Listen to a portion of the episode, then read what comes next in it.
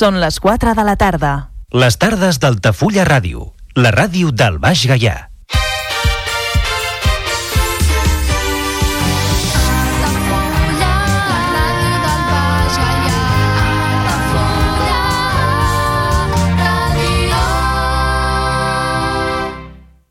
Altafulla Ràdio. Serveis informatius.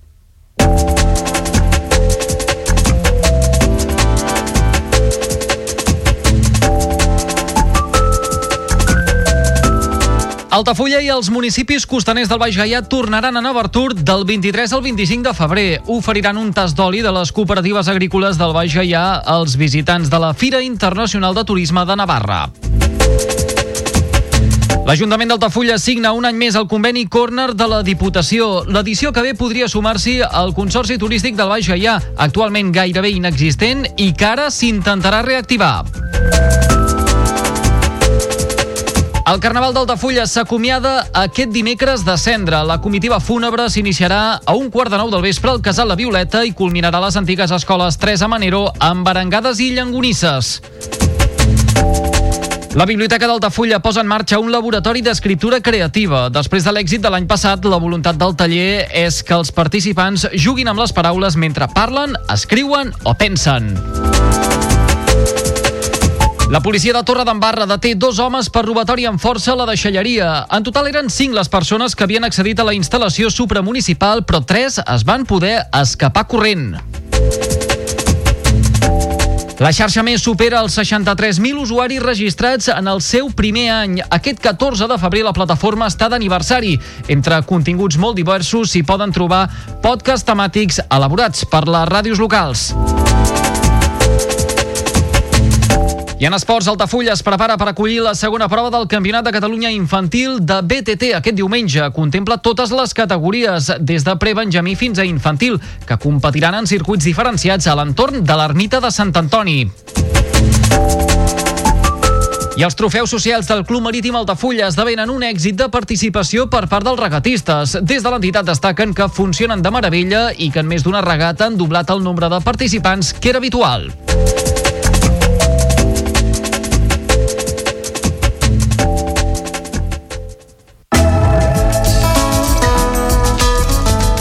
L'agenda d'Altafulla Ràdio recomana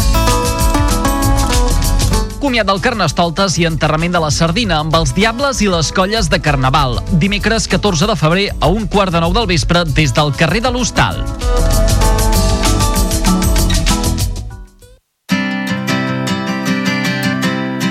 Arribats aquí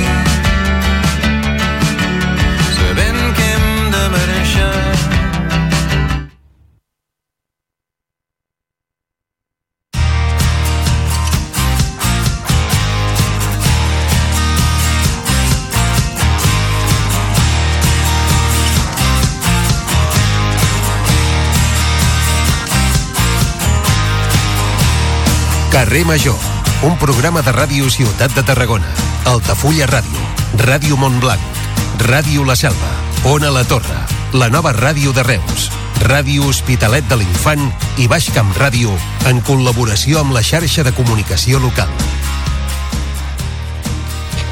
Hola, bona tarda. Els pagesos ja han aixecat, ho han fet aquest matí, el bloqueig que han mantingut durant 24 hores als accessos del port de Tarragona.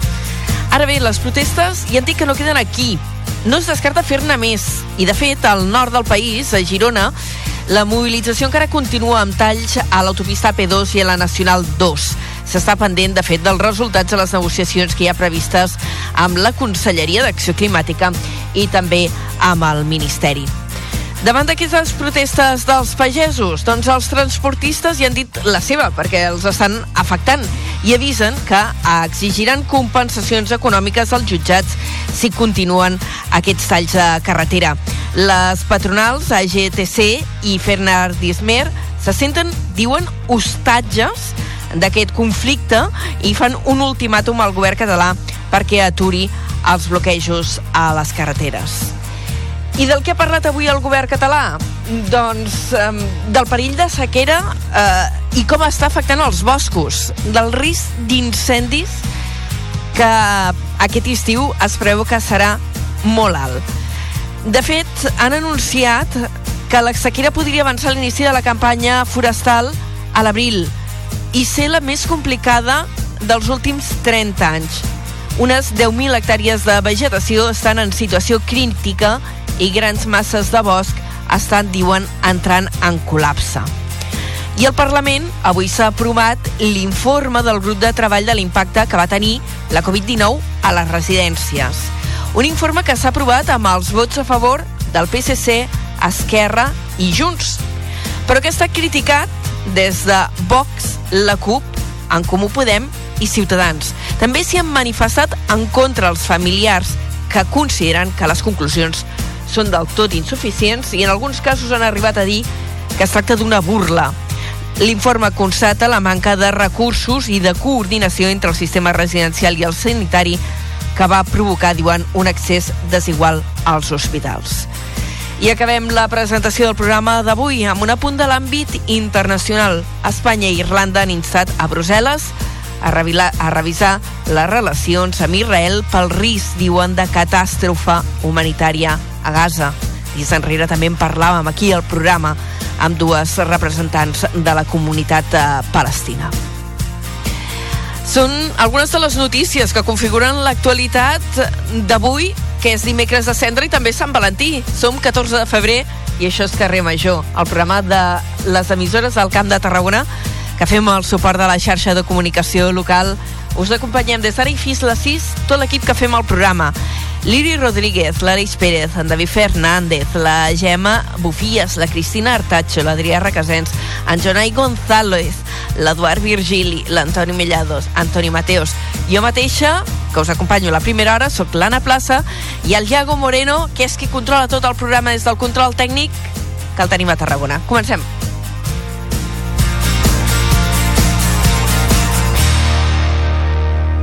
Carrer Major, Anna Plaza i Jonai González.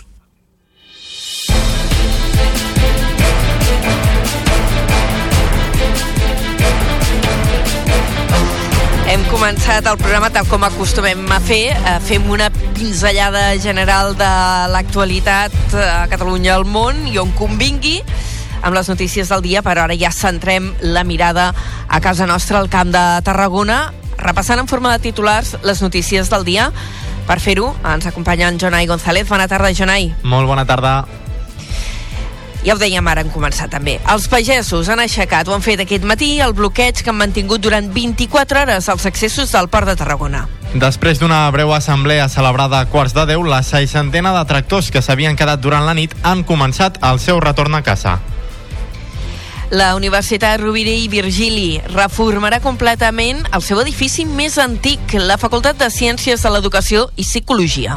L'obra reaprofitarà l'estructura de l'edifici i suposarà millores en terme tecnològic i mediambiental. Un home ha resultat ferit greu després de rebre una ganivetada aquesta matinada el dimecres eh, al barri de Camp Clar, a Tarragona. La víctima d'uns 30 anys hauria rebut un atac per part d'un grup de persones que, segons ell, no coneixia. El Departament de Salut assegura que un 70% dels usuaris de primària del Camp de Tarragona van ser atesos pel metge, pel metge en menys de 5 dies. La voluntat del departament és reforçar la tendència a una atenció més ràpida al llarg d'aquest 2024. I a Reus s'han recollit més de 9.000 signatures per evitar el tancament de la única residència d'àvies pública que hi ha a la ciutat. El govern català espera que els trasllats dels usuaris comencin durant les pròximes setmanes. En patrimoni, la notícia del dia és que l'Ajuntament de Tarragona i el Departament de Cultura de la Generalitat han acordat actuar de manera immediata a l'immoble de Cal Ardiac a la plaça de la Seu. Les dues institucions han pres aquesta decisió després que una inspecció tècnica dut a terme recentment a l'edifici hagi constatat un deteriorament important que obliga a aquestes mesures urgents. Ja hi ha data per començar les obres de cobriment i climatització de la piscina nova de Torre d'Embarra. Serà dilluns de la setmana vinent 19 de febrer i es preveu que els treballs durin 41 setmanes, és a dir, gairebé 10 mesos, i les obres tenen un cost de 2,4 milions d'euros. D'altra banda, els municipis del Baix Gaià volen reactivar el consorci turístic de la subcomarca. La inquietud ha sorgit entre els municipis costaners d'aquesta zona durant l'acte de signatura del conveni Corner de la Diputació. La minicopa Endesa va generar més de 4 milions d'euros d'impacte econòmic a Tarragona, segons dades de l'Ajuntament. L'esdeveniment es va celebrar al Palau d'Esports i al Poliesportiu de Camp Clar de l'anella mediterrània entre els dies 6 i 8 del passat mes de desembre. De moment ho deixem aquí, Jonai. Totes aquestes i altres notícies les ampliarem d'aquí una estona, d'aquí mitja hora aproximadament, aquí, a la sintonia de Carrer Major. Fins ara. Fins ara, adeu.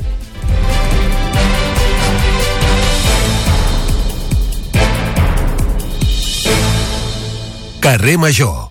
Toni Mateos.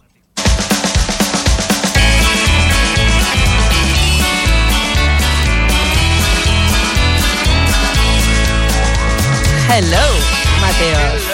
hello. How are you? Fine, thank you. Avui he dinat i hasta he tingut temps de fer un tallat ràpid, veloç, però estic des... anava a dir despejada, no és gens normatiu, però ja m'enteneu, eh? Estic bé. Hombre, que molt bé, és un luxe, això, eh? Els dies que ho pot fer. Sí, sí, ràpid, jo- ràpid, ràpid, però... ràpid. Jo, jo també he tingut temps de fer un cafè amb gel. Però bueno... Amb gel? Home, Sí, a veure, sí, sí, sí. que fa una temperatura primaveral, Home, però de veritat. I tant, i tant. Aquí en un bar de la selva, que té una terrasseta allà fora, que tocava el solet, cafè amb gel, clink, clink, clink, mirant el Clink, diari clink. així pel damunt, eh, agafant Ah, jo també he mirat el diari, eh, dinant, ha sigut allò, flash, flash, flash, flash, passa pàgina, passa pàgina, Passa ràpid, pàgina, ràpid, Passa ràpid. pàgina. Veus, tractors, pagesos, pagesos. Pagesos, pagesos. enfadats, pagesos enfadats. I anant passant pàgines del, del diari pel damunt. És el concepte, el pagesos Carnestoltes enfadats. que s'ha mort. El Carnestoltes. Ah, sí, també, també. Ai, pobret, Carnestoltes. Ahir molts, molts plors, eh, tot arreu. Ai, quina I llàstima. moltes quina fogueres, sardines i coses diverses. I comença la quaresma, nen. Eh, sí, mira, es va cremar ahir un balcó a Tarragona amb la crema de la bota. Ai, mare. Eh, sí, va, va, va sortir una guspira espurna. o espurna, fiu, i va cremar Fiu. un balcó. Mare hi de havia una, una bandera penjada amb el balcó i es va cremar. Tota la gent allà a la Bueno. Font. Fuck, fuck, fuck. I hi avui surt... No, no, no, no, no. Ah. Tarragona no. No, no, ho he vist, ho he vist per xarxes. I a, Tar I a Reus avui surt el ball de la Quaresma i de les virtuts. Clar, A, a partir de les 7 de la tarda podrem veure aquest ball pels eh, carrers del centre de la ciutat amb la germandat dels set pecats capitals i, perfecte. mira, i les set cames de la Quaresma. Compteu-li I les set cames de la Quaresma. Uh, venen 40 dies de dejuni i abstinència, Toni Mateos. Eh, els acomplirem eh, religiosament. Religió... N'estic seguríssima. Toni, a banda de complir amb els preceptes de la Quaresma, a partir Sí. de les 5 de la tarda, què farem avui a Carrer Major? Mira, et diré un nom i et posaràs contenta. Jordina Digue'm. Moix. Ai, que maca! I això? perquè la Jordina Moix, juntament amb el Joan Vilalta, són membres de l'organització del festival No Callarem. Eh, Què que estan dius? Presentant, sí, sí, estan presentant ara mateix aquest festival eh, el seu cartell i just quan acabin la presentació i la roda de premsa entraran al carrer Major en exclusiva per dir-nos doncs, Oh, qui que tenen bé. de, de, de grups eh, que Escolta, ens- expliquem qui és la Jordina Moix, perquè hi ha gent que li sonarà el nom, hi ha Bueno, gent clar. que potser ens escolta que diu, i aquest aquí, la Jordina ens va acompanyar, eh, ja no recordo quantes temporades, una, dues, des de Ràdio Montblanc fins que van prendre altres camins professionals, llavors va venir la, la Gemma Bufies, però va ser companya nostra i avui ens farà molta il·lusió entrevistar-la. I tant, i tant, que sí, parlarem amb Que guai. ella, eh, Molt bé. amb la Jordina i amb el Joan Vilalta. El, parlarem també amb el Mohamed Said Badawi, el nostre home al Marroc. Eh, avui ens parlarà de la sanitat. A veure, parlarem de com és anar al dentista al Marroc, com és Ah. anar al, al, preguntarem a l'uròleg. Pregunta-li que faci la comparativa, sobretot la comparativa, perquè aquí ens queixem molt, i Sí. a veure, motius de queixa sempre n'hi ha. Sempre. Uh, dies enrere una amiga m'explicava el drama que va passar a urgències de Joan 23, que no hi havia manera de que el seu home passés a quiròfan amb mm, la cadera trencada, no, el cap de fèmur trencat, o sigui, d'aquí de drames no tenim, però sempre està bé posar les coses una mica en context. I tant, i tant. Eh, doncs parlarem amb el Mohamed doncs, eh, sobre com és la, la sanitat al Marroc i, i la compararem amb la sanitat catalana. Als Tonis parlarem avui de Sant Valentí, però no aquest vessant de ai, que bonic Sant Valentí, regala'm una rosa, estima'm sempre... No, no. Parlarem de desgràcies que van succeir el dia de Sant Valentí. Mare de Déu. Sí, sí, desastres, desgràcies, bombardejos, assassinats... Sí, sí, Però sí, la sí. gent, per què, per què no s'estima més la gent i viuríem Perquè millor? tenen 365 dies a l'any per estimar-se i... Sí, mira, clar, deu ser això. fer-ho avui, uns altres per Sant Jordi, i uns altres, doncs, eh, mira, els hi dona igual Mira. que sigui Sant Valentí per assassinar o per cometre delictes. Banda sonora del Camp de Tarragona i la furgoneta amb la Cristina Artacho. que avui em sembla que, com que havia anat a la roda de premsa de presentació de les obres de la Facultat d'Educació, em sembla que parlarà d'això. O almenys Sí. era la intenció que tenia En inicialment. la intenció inicial de la, de la Cristina, i tant. Doncs tot això a partir de les 5 de la tarda i jo saps en qui parlaré ara? Eh, me sembla que ja el temps assentat als estudis Sí, de... ens ha enviat- Eh, Altafulla, no? Ah, exacte, amb l'alcalde d'Altafulla, en Jordi Molinera, que ja va ser el programa a, a la tardor, però l'actualitat mana i tenim unes quantes coses per preguntar-li i ja el tenim assegut. Que li sí. preguntaràs això del, del senyor Vinyuales? Sí, sí. A veure, a veure. A Clar, veure, és que dona per fer molta cunyeta, però ara a Eh, veure com bueno, l'entrevisto sense fer cunyeta, val? Intentaré posar-me la, molt la conya li seriosa. faria jo, la conya li faria jo. Sí. Pues, Bueno, jo seré molt formal. Que... bueno, portaré bé, em portaré bé. Molt bé. Doncs ja el tenim assegut a Altafulla Ràdio i anem cap allà. Uh, Toni, tu a partir de les 5. Fins ara. Fins ara, Anna. Adéu. Cada tarda de dilluns a divendres fem parada a Carrer Major.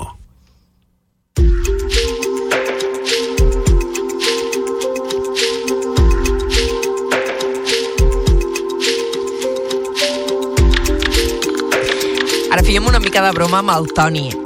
Parlarem amb el Jordi Molinera, eh, l'alcalde d'Altafulla. El motiu d'haver convocat avui aquesta entrevista, tot i que hi ha molts temes dels quals intentarem parlar, eh, però és la polèmica que ha sorgit eh, quan des de l'Ajuntament van comunicar, a més ho feien amb una esmorzar de premsa, que havien demanat a Tarragona modificar el límit municipal i poder guanyar 70 hectàrees que actualment són del terme de Tarragona i Altafulla les voldria incorporar al seu terme recuperant part del que històricament havia sigut, només una part del que havia sigut. Una petició que des de l'Ajuntament de Tarragona mm, no s'han pres gaire bé, almenys en paraules de l'alcalde Vinyuales van dir que si Altafulla que no volia era haver de prestar serveis a part d'una població de Tarragona, doncs que es podien annexar a Tarragona ciutat. Uns comentaris que han despertat molta cunyeta, però jo no sé si el senyor Jordi Molinera eh, li van fer gaire gràcia. M'imagino que no. Senyor Molinera, bona tarda. Bona tarda. Li vau saber veure la ironia a les paraules de l'alcalde Vinyuales o us van encendre? No, la veritat, no, encendre no, la veritat. Eh, no, no pot encendre tothom, només qui pot. Uh, no, no, en, ens va sobtar que la, la proposta, sobretot els últims mesos, no? que s'ha parlat molt de la capitalitat, de, de la vegueria del Camp de Tarragona, això, doncs, qui aspira a tenir aquesta capitalitat rivalitza en certa manera amb Reus, amb un veí seu la, la resposta a una proposta sèria, un problema seriós i si voleu ara en parlarem doncs uh, sigui aquesta, una cunyeta jo, jo sincerament espero que aquesta sigui l'al·legació que faci Tarragona ciutat eh, quan comencem nosaltres el, el tràmit administratiu demanant el, el canvi de límit de terme, no? Si ho van dir en una nota de premsa i amb delegacions de la premsa, doncs esperem que, que vagin de debò i que aquesta sigui la seva, la seva al·legació real a la, davant de la petició d'Altafulla de, juntar unes 70 hectàrees fins al riu Gaià eh, de la zona del, del Vinyet. Quan vau fer eh, aquestes declaracions a la premsa dient que, eh, que volíeu fer aquesta modificació de, dels límits del terme municipal, aquest tema ja s'havia començat a treballar o en quina fase ho teníeu? Perquè sembla que l'Ajuntament de Tarragona va reaccionar amb sorpresa. Mm, el senyor Vinyuales i jo vam parlar per mòbil el 12 de gener i ell em va preguntar de què vols parlar i dels límits de terme entre Altafulla, entre Altafulla i Tarragona.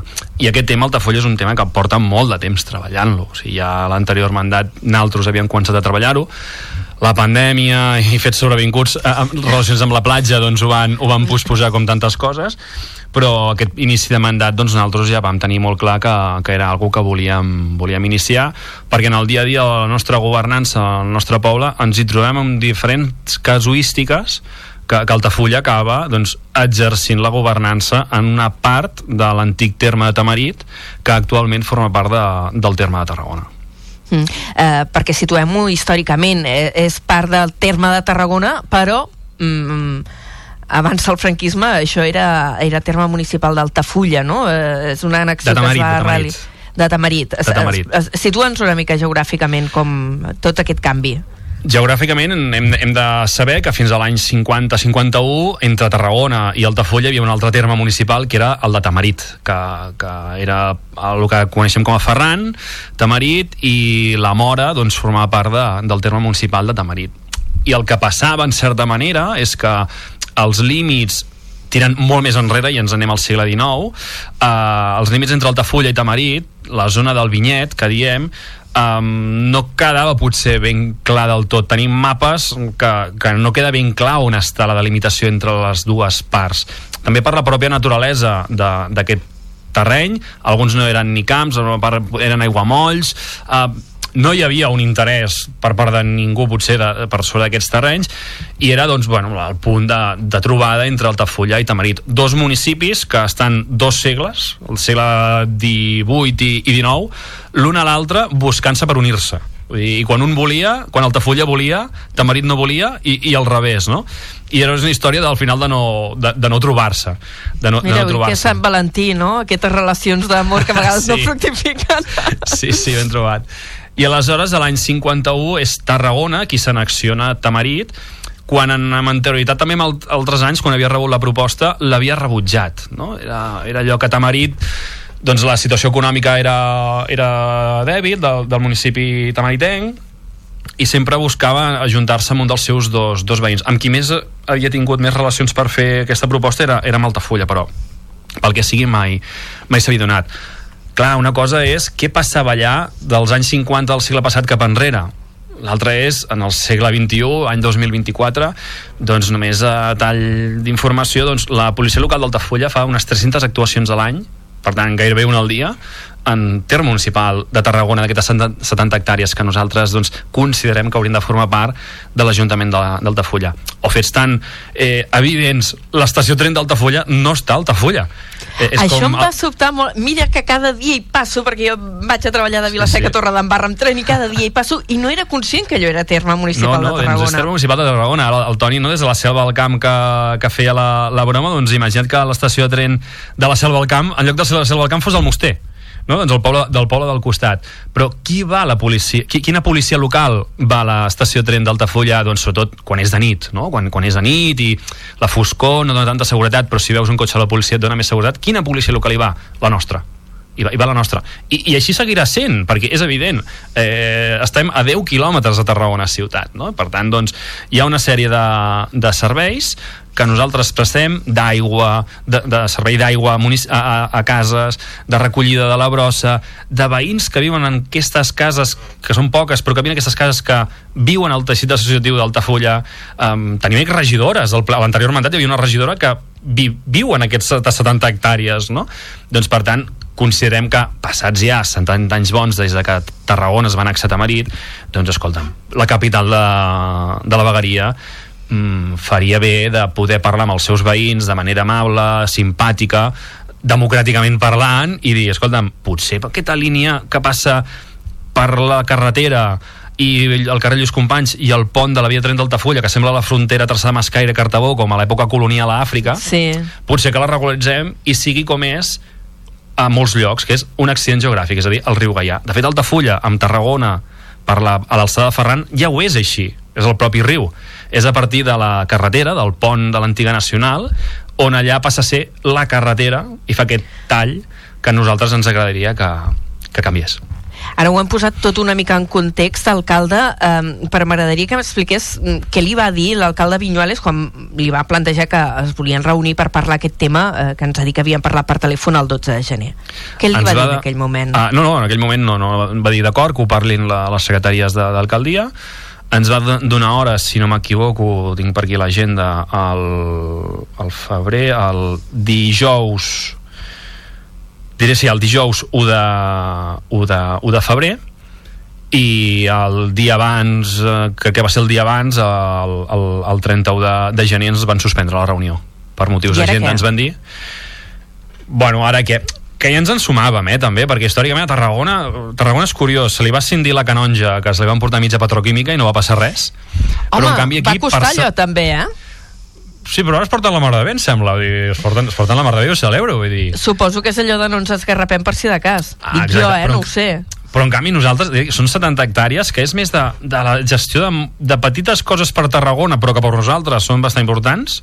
Tenim una casa que s'està construint en terme municipal de Tarragona, que un cop passa la tanca dona un carrer d'Altafulla. Doncs qui li donarà els serveis d'aigua, d'accés al propi carrer, és l'Ajuntament d'Altafulla. I aquestes tramitacions... Pot semblar broma, jo entenc, puc arribar a entendre que algú s'ho prengui a broma, però administrativament és un mal de cap. I per Tarragona, doncs, potser no és important. Per Altafulla ho és. Vull dir, no és un tema només romàntic, no? de, de 70 hectàrees més fins al riu Gaià.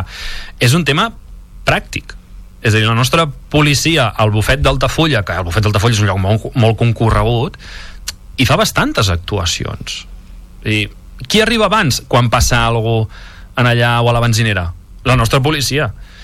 I per tant, doncs, eh, creiem que, que toca, toca regularitzar aquesta situació. Eh, li preguntava, i ara què? Eh, teníeu aquella reunió que al final va quedar anul·lada, el següent pas, següent moviment, quin serà? El següent moviment és que el ple de l'Ajuntament d'Altafulla, si tot va bé, serà el dia 22 de febrer. Eh, hi haurà una proposta que serà doncs, eh, demanar l'alteració del límit de terme i com que té, té pinta que no hi ha acord, no, no hi haurà acord, doncs llavors és una comissió tècnica de la Generalitat qui, eh, davant l'informe que hem elaborat l'Ajuntament d'Altafulla, demanarà a tots els afectats, és a dir, veïns d'aquestes 70 hectàrees i propietaris d'aquestes 70 hectàrees i eh, les administracions afectades, Diputació de Tarragona, Consell Comarcal del Tarragonès, perquè són de l'àmbit geogràfic sí. i Ajuntament de Tarragona doncs, perquè facin les seves al·legacions i comentava al principi no? si la nota de premsa i les declaracions de l'alcalde Vinyuales en el primer dia van ser aquestes, no? de que Altafulla passi a formar part de Tarragona, esperem que sigui aquesta la seva resposta en format d'al·legacions, que no fos allò només una no sé com dir-ho, no? una nota de premsa massa pujada de to. Um, dèieu que serà la Generalitat, que és la Comissió d'Urbanisme, de, de quina instància depèn tot això, no? Que dèieu que serà Sí. la Generalitat qui acabarà dirimint el cas. És una comissió que només es, es refereix a temes de limitacions entre termes. Al cap de l'any hi ha bastants municipis a Catalunya que van delimitant aquella finca, aquella partida, aquella que doncs, van, van polint i llavors hi ha aquesta comissió que quan hi ha municipis que ho demanen es reuneix, normalment es veu que és una reunió trimestral, fan, fan aquestes reunions i llavors eh, serà un, és una comissió purament tècnica o sigui, no, no hi intervenen doncs, interessos polítics, partits polítics ni, ni res i és el que a nosaltres de fet ens agrada més no? que, que, que diguin A o B ens aclareixin una miqueta el tema perquè, com et deia, no? vas veient actuacions, veus coses que passen, tu prestes el servei d'aigua, però eh, dones el servei de brossa però no el cobres, eh, diverses coses no? que, que passen i, i, i també veïns que et diuen ostres, és que jo formo part d'aquesta part d'aquestes 70 hectàrees i jo voldria formar part d'Altafulla. Jo, per exemple, pot ser una, tonteria. Jo vaig a córrer amb un grup de gent i, un, i l'altre dia em va enterar que una de les, de, de les persones amb les que vaig a córrer viuen en una d'aquestes cases. és de Tarragona, però anem a córrer al, aquí al, al Safranàs d'Altafulla, que anem un grup de gent d'aquí Altafulla. I, per tant, és que, i fa vida, i tota la vida jo, és d'aquí Altafulla, és d'aquí Altafulla. Però no, i són aquestes 70 hectàrees de no res de misèria hectàrees que la meitat d'elles són titularitat de la Generalitat i per tant doncs això ja ens dona una garantia de protecció mediambiental que no s'hi farà cap, cap, cosa, cap cosa estranya. I les altres eh, parcel·les doncs, també tenim molt defi- localitzats qui són els propietaris i majoritàriament són gent d'Altafulla Uh, suposo que també per tema de tributs i tal a vosaltres us interessa o això no és significatiu? és molt poc, pensant que la, ja dic, són unes 60 finques la meitat són de la Generalitat per tant les, entre administracions públiques no ens paguem IBI i és un IBI de rústic paga molt poc Perquè és part de, de l'espai protegit del vinyet, entenc. Exacte, és aquella part de sota de la via del tren fins a, fins a, la, a, la, a la línia de platja, diguéssim. I les altres finques, la gran majoria, són, són rústiques. Com a molt hi ha el que pugui pagar la benzinera i, i el bufet d'Altafulla, com a molt, i això eh, no crec que Tarragona ci- ciutat, eh, ja sé que estan fent zones verdes per tot arreu, però ens ho prenem a broma, no? Pues també ens ho prenem a broma. Estem encara a Carnaval aquí al Altafulla, que avui fem dimecres a centre aquí.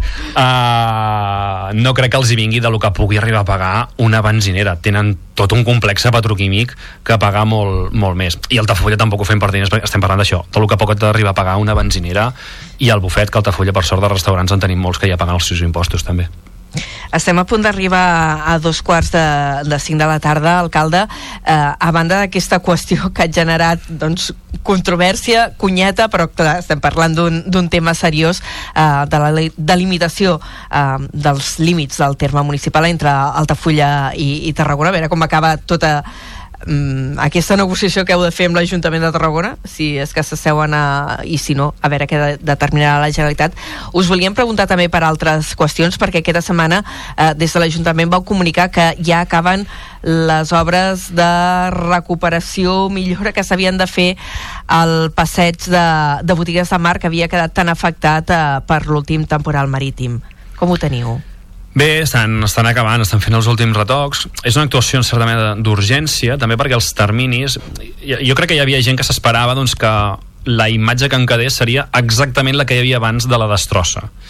Uh, això per començar el volum econòmic tenim algun pressupost i pujava gairebé entorn als 300.000 euros no? doncs era una obra important això implicava doncs, certes burocràcies, doncs, licitacions, permisos i tot, que no arribàvem a poder tenir arreglat per Setmana Santa, que era, era l'objectiu, era el nostre compromís, sobretot doncs, amb els veïns i veïnes i amb el sector turístic, doncs, de tenir el passeig una altra vegada en condicions de seguretat eh, de, cara, de cara a la Setmana Santa. I per tant doncs, el que s'ha fet és eh, doncs, refer una, l'escollera això és lo, una, la part més important refer la, la nova escollera i el que és la part del passeig que es va trencar doncs, amb, amb formigó, doncs, allisar-ho tot, que es pugui utilitzar, que es pugui caminar, que, que es pugui utilitzar, no? I, i això és el que, lo, que hem fet. Si haguéssim anat en aquesta tramitació de refer de nou tot el passeig, eh, per temes de pressupost ens hauríem passat de terminis, eh, hauríem de fer licitacions i segurament ni a l'estiu ho hauríem pogut ho hauríem pogut tenir arreglat i el nostre compromís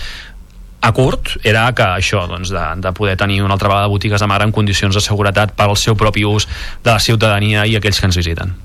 I l'Ajuntament d'Altafulla eh, s'ho replanteja o s'ho està plantejant, eh, ja no de manera immediata, eh, però fer aquesta eh, reestructuració total del passeig, eh, aquest projecte que ara deia que costaria uns 300.000 euros, o ja ho descarteu tenint en compte les circumstàncies de dinàmica que s'estan constatant al litoral eh, amb, amb, amb uns temporals que ja no afecten la platja només, sinó que aquest cas eh, ha acabat afectant i de manera severa una estructura tan sòlida com és que és un passeig sustentat sobre roques, sobre una escollera de roques. Altafulla venim, i ja ho sabeu, venim d'uns anys, els últims 4-5 anys a curt, a 10 anys a llarg, amb problemes de, de, de, de, de sorra, de sorra de la platja. Clar, el que va passar aquest novembre a l'Altafulla és que el problema ja no era la sorra, era directament el passeig. No? Llavors, fer una actuació ara o a mig termini de 300.000 euros que, que poc, fer moltes coses amb 300.000 euros no? hi ha molts projectes a tirar endavant per, per aquestes quantitats de, de diners i que potser d'aquí un any o dos el mar ho torni a rebentar tot um, ens fa ser una miqueta cautelosos i primer fer aquesta intervenció per garantir la seguretat i, i l'ús de l'espai a curt termini i veure també com treballa la platja aquest, aquests propers mesos no?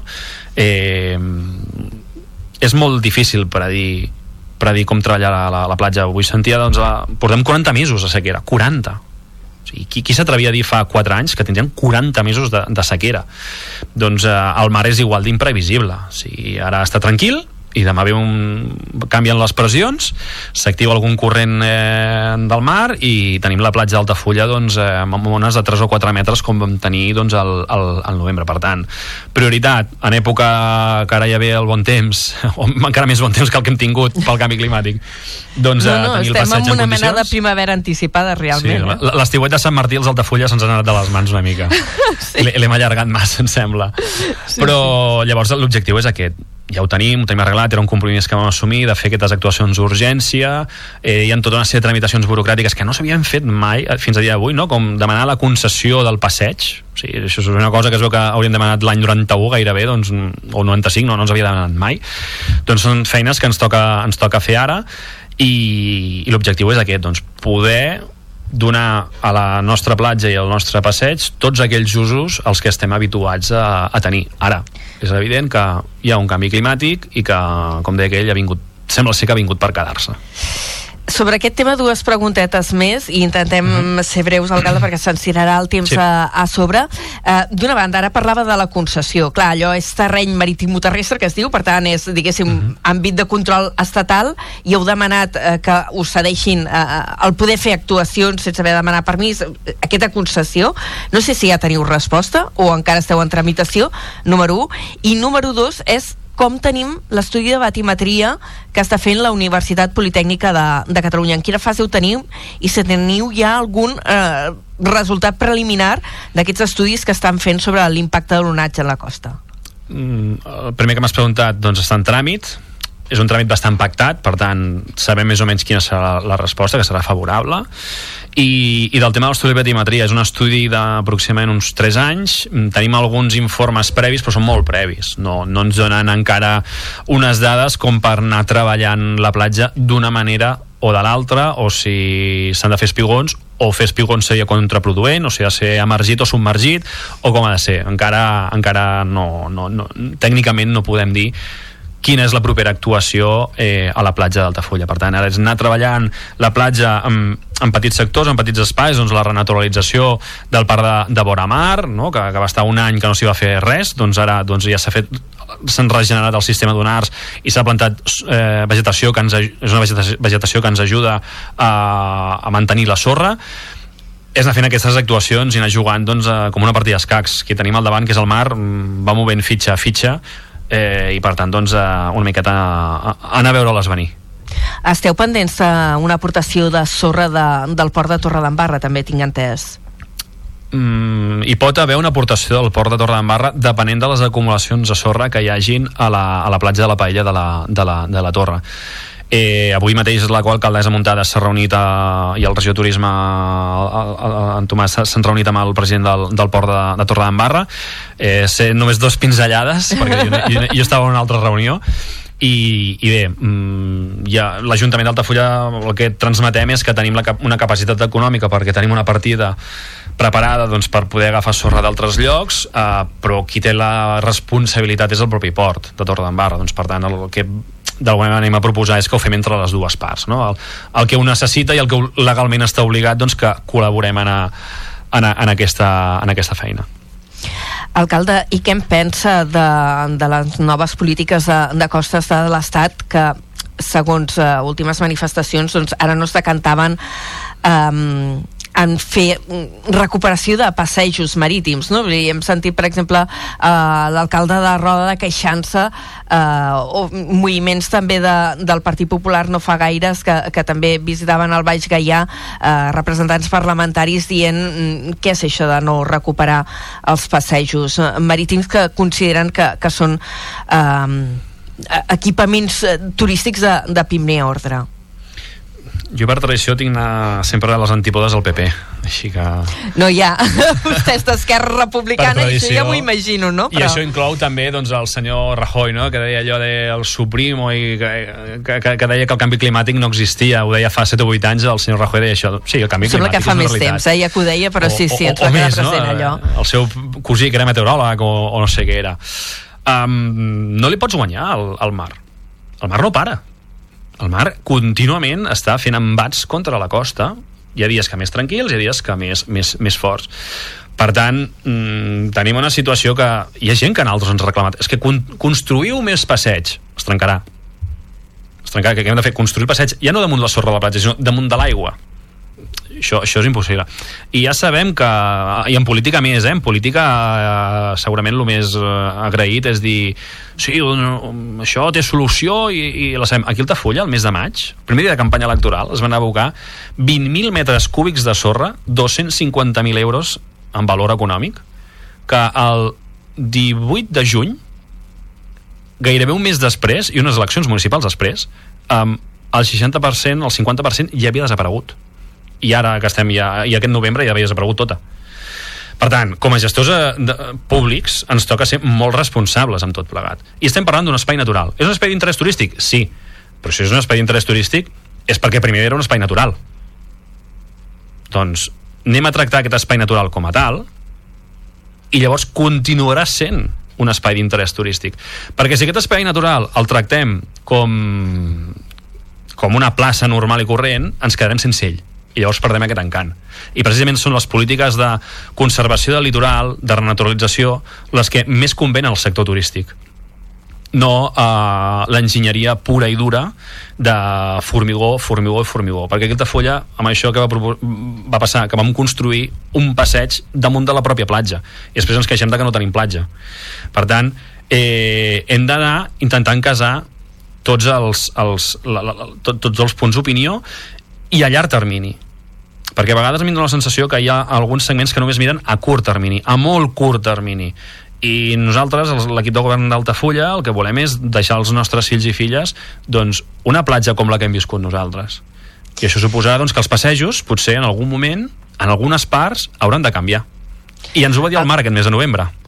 Ja, ja. A, alcalde, jo seguiria preguntant-li pel, pel tema de la costa, perquè a més, amb tota la polèmica política ha que hem coses a tingut a Altafulla, eh, Altafulla, evidentment, per, per això li anava a preguntar per les, uh, pel procés d'expropiació que heu començat ja per poder fer uh, les bases de laminació Mm. uh, per prevenir inundacions a, a la zona baixa del municipi. Um, un procés que ara fareu una bassa de laminació i una altra prevista i aquest afecta a terme municipal de, de Torredembarra. Expliqui una miqueta Hi ha un el trosset molt procés petit, i... hi ha un, trosset, un trosset Digui'm. molt petit que és terme municipal de Torredembarra, que és la segona, la bassa gran, que la diem naltros, però millor començarem per la petita. També perquè volem veure com, com treballa aquesta bassa. Aquesta bassa, si tot va bé, doncs a finals d'aquest any doncs, podrem veure l'inici de les seves obres. Està el pressupost municipal que vam aprovar uh, l'equip de, de govern. Uh, ara el proper ple ha de passar una modificació de crèdit per fer el pagament de les expropiacions que, que s'han de fer i llavors un cop tinguem fet aquesta bassa amb d'altres actuacions eh, més petites a, a Baix Mar, doncs veurem com actua tota aquesta xarxa hídrica eh, de l'aigua, doncs com actua davant, davant les pluges que hem tingut els darrers dos anys, molt puntuals, però que en grans quantitats, com va ser el Santa Tecla 2022, que van caure 140, 150 litres, no me'n Bueno, recordo ja va ser una animalada, sí, tant que no, no plou, no plou, no plou, i va clavar tot en un dia, sí. Sí, sí. I llavors doncs estem, estem amb això, o sigui, les obres van, o les obres, els tràmits van sobre lo previst i, i, anar, i anar fent camí. Uh, I una última pregunta, uh, alcalde, sobre la Violeta. Abans dèiem, la, la platja i la gestió del litoral ha estat políticament polèmic a Altafulla durant els últims temps i també ho ha sigut uh, la gestió i com havia de ser aquesta sala cultural. Um, parlàveu en aquesta um, compareixença amb els mitjans, amb aquest esmorzar de premsa que vau fer ara uh, fa uns dies, en què també parlàveu dels límits municipals, uh, de que volíeu fer una nova gestió per la Violeta. Quina és aquesta gestió? Una que sigui realista amb el pressupost de l'Ajuntament d'Altafulla. Eh, el que va passar a la Violeta del juny del 22 al juny del 23, quan va haver la, el termini que va governar Alternativa, és que es va invertir a la Violeta 270.000 euros. Perquè ens fem la idea, una festa major Altafulla són uns 45.000 euros. Home, s'ha de dir que la programació estava bé, però clar, era jo- cara. Clar, mm, jo diria que va haver concerts que van costar, crec que eren 20.000 euros, t'ho sumo tot, i que l'aforament no estava ni a la meitat. Ja. Doncs alguna cosa... Sí, sí, jo també eh, jo vull que vingui Coldplay a Altafulla, eh? Molt bé, Clar. jo vindria. Jo vull... Tu vindries? Eh, és econòmicament sostenible? No. no ho és. Clar, què passava? I sovint la ciutadania ens demana als polítics que els tractem com adults. Per què a un any d'eleccions la Violeta de cop i volta va tindre aquell boom? Perquè venien eleccions. Ras i curt, no, no hi ha més, perquè venien eleccions. I llavors, després, el mateix grup municipal que va impulsar això se'ns queixa que els Reis enguany hi havia pocs carmels. Per què hi havia pocs carmels? Perquè algú es va ventilar en 4 mesos, en 5 mesos, es va ventilar gran part del pressupost. No tot, però gran part, més del que tocava. Eh, Per tancar l'any no ha sigut fàcil tancar l'any econòmicament a Altafulla perquè en, en, en, en 4 o 5 mesos déu nhi la despesa que es va fer a algunes àrees de l'Ajuntament d'Altafulla, perquè al nostre parer és una crítica política, cadascú faci el que vulgui, venien eleccions. Alcalde, mm, no ens queda temps perquè tenim un informatiu pendent, hem fet una mica de repàs i encara ens han quedat temes al tinter, però li agraïm moltíssim que, que hagi anat avui als estudis d'Altafulla Ràdio eh, per poder compartir una estona amb tots els oients de Carrer Major. Fins la pròxima. Gràcies a vosaltres. Fins ara, adeu-siau. Adeu. Carrer Major, al Camp de Tarragona, des de ben a prop. I el que li dèiem de no ens queda més temps no, no era una manera de parlar perquè són ja de fet tres quarts de cinc de la tarda i l'actualitat ve carregada eh, protagonitzada d'una banda pels pagesos que aquest matí ja han aixecat el bloqueig que han mantingut durant 24 hores al Port de Tarragona després d'una breu assemblea que han celebrat a quarts de 10 la seixantena de tractors que s'han quedat a passar la nit han començat ja el retorn a casa. Gerai, bona tarda de nou. Molt bona tarda de nou. El trànsit a la carretera s'ha restablert poc després de dos quarts d'onze i els camions ja poden entrar a la infraestructura portuària. El coordinador territorial d'Unió de Pagesos, Pere Guinovart, s'ha mostrat satisfet de la repercussió que ha aconseguit la protesta i que ara estan a l'espera del resultat de la reunió convocada amb la conselleria. la moguda que hem plantejat eh, en el camp de Tarragona crec que, que la ressonància dintre del port de Tarragona doncs ja s'ha fet sentir i crec, considerem que ara ja no el que hem de fer és continuar continuar les nostres mobilitzacions a les 10 proposarem doncs ja marxar marxar cap a, cap a casa eh, esperar lo que la resposta que tinguem de, de la reunió que tindrà el, el conseller amb, amb els de la plataforma Ramon Rollo, de la plataforma Pagès, ha explicat que entre les reclamacions que traslladaran a la Conselleria d'Acció Climàtica hi ha una gestió de la sequera que no els perjudiqui. El més urgent ara mateix és el tema de la sequera. En cre creiem que és el tema de la sequera, que és, per exemple, que la ramaderia li tornin a, a donar el 100% de l'aigua. Eh, els pagesos també han de, hem de, de tenir aigua per poder regar. Se'ns estan morint els arbres, se'ns estan morint els cultius, no tenim collites i creiem que és perquè des de l'administració porten molts anys sense fer cap tipus de pla En funció dels resultats de la trobada, tant el col·lectiu com el sindicat estudiaran emprendre noves protestes de cara a aquest cap de setmana. A més, el 21 de febrer se sumaran a la manifestació convocada a Madrid. Per la darrera setmana de mes, Unió de Pagesos està valorant boicotejar alguns dels centres logístics de distribució d'aliments del Camp de Tarragona i Terres de l'Ebre. La Universitat Rovira i Virgili reformarà completament l'edifici més antic, la Facultat de Ciències, Educació i Psicologia. L'obra, que està previst eh, que comenci el juny, reaprofitarà l'estructura de l'edifici i suposarà millores en termes tecnològics i ambientals. El pressupost per aquesta rehabilitació és de més de 7 milions d'euros que ascendeixen als 7,5 incloent el mobiliari i els trasllats. La URB assumeix el total d'aquest finançament. Ens ho amplia des de Ràdio Ciutat de Tarragona la Cristina Artacho.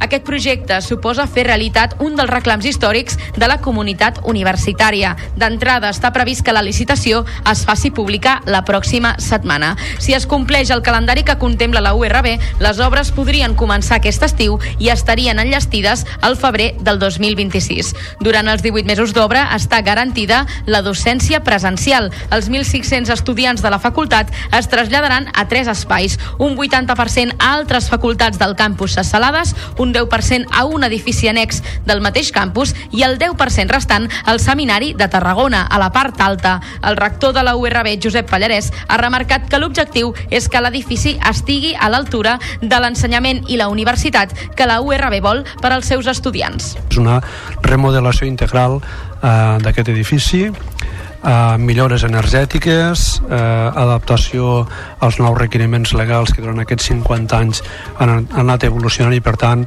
un edifici que estiga a l'altura de l'ensenyament i de la universitat que volem pels nostres, pels nostres estudiants. Al seu torn, el vicerrector de Política Científica, Urbano Lorenzo, ha detallat que un dels espais que més canviarà serà l'aula magna. La intenció és convertir-la en una sala on poder fer actuacions de gran format i que es converteixi en un centre cultural universitari. Moltes gràcies, Cristina, per explicar-nos una de les eh, notícies eh, del dia i eh, avui eh, també hem de parlar de fet divers perquè un home ha resultat ferit greu després de rebre una ganivetada aquesta matinada al barri de Camp Clar, a Tarragona. Ho ha avançat el diari eh, digital, el cas.cat. Els fets han succeït que poc abans de les 6 al carrer Riu Llobregat, molt prop de la comissaria dels Mossos d'Esquadra. La víctima d'uns 30 anys hauria rebut un atac per part d'un grup de persones que, segons ell, no coneixia. La ganivetada ha estat a la zona de la cama i la víctima ha estat traslladada a l'Hospital Joan 23 de la ciutat després d'avisar ell mateix al sistema d'emergències mèdiques. Per cert, ho acabem de saber, els Mossos també han detingut un home a Reus que amagava 5 quilos de xix i 200 grams de cocaïna en un traster. El valor de la venda al detall d'aquesta droga puja a uns 43.000 euros. Al marge, avui el Departament de Salut ha fet balanç de l'activitat de l'últim any i ha assegurat que un 70% dels usuaris de primària al Camp de Tarragona van ser atesos pel metge en menys de 5 dies.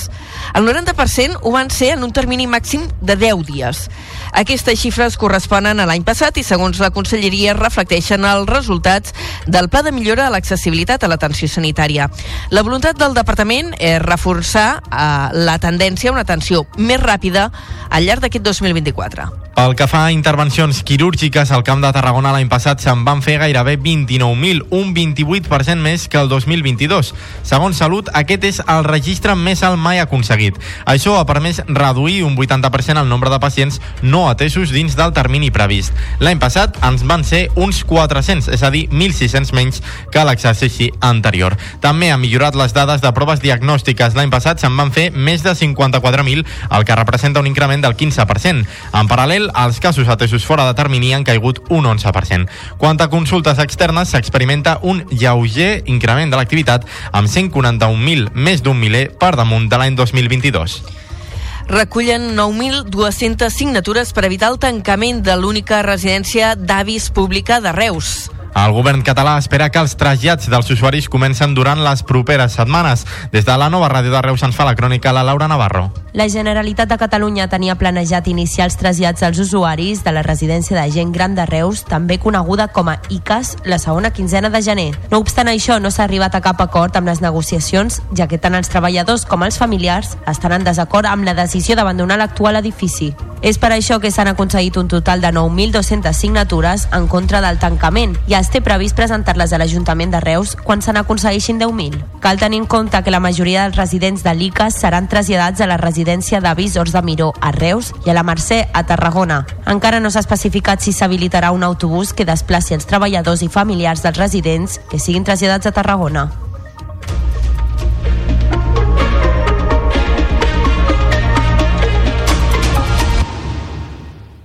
4 i 51 minuts. Avui també notícia destacada de patrimoni. L'Ajuntament de Tarragona i el Departament de Cultura de la Generalitat han acordat actuar de manera immediata a Cal Ardiaca, al Pla de la Seu. Les dues institucions han pres aquesta decisió després que una inspecció tècnica dut a terme recentment a l'edifici hagi constatat un deteriorament important que obliga a aquestes mesures urgents. Des de Ràdio Ciutat de Tarragona ens ho explica l'Adrià Tella. És necessari garantir l'estabilitat de l'edifici, a més de prioritzar el manteniment dels elements de valor patrimonial, com guixeries i pintures que s'estan veient molt afectades per les filtracions d'humitats. Per això, està previst que en els pròxims dies es comenci a treballar per dur a terme les tasques indispensables i que tinguin un caràcter de major emergència emergència. Les actuacions es duen a terme amb l'objectiu de controlar i aturar les conseqüències derivades de l'esfondrament de part de la coberta de l'edifici detectades darrerament, així com per evitar més danys a l'immoble. Per tot plegat, el consistori tarragoní assegura que ja s'ha posat en contacte amb una empresa especialitzada en intervencions en patrimoni per iniciar les tasques com més aviat millor.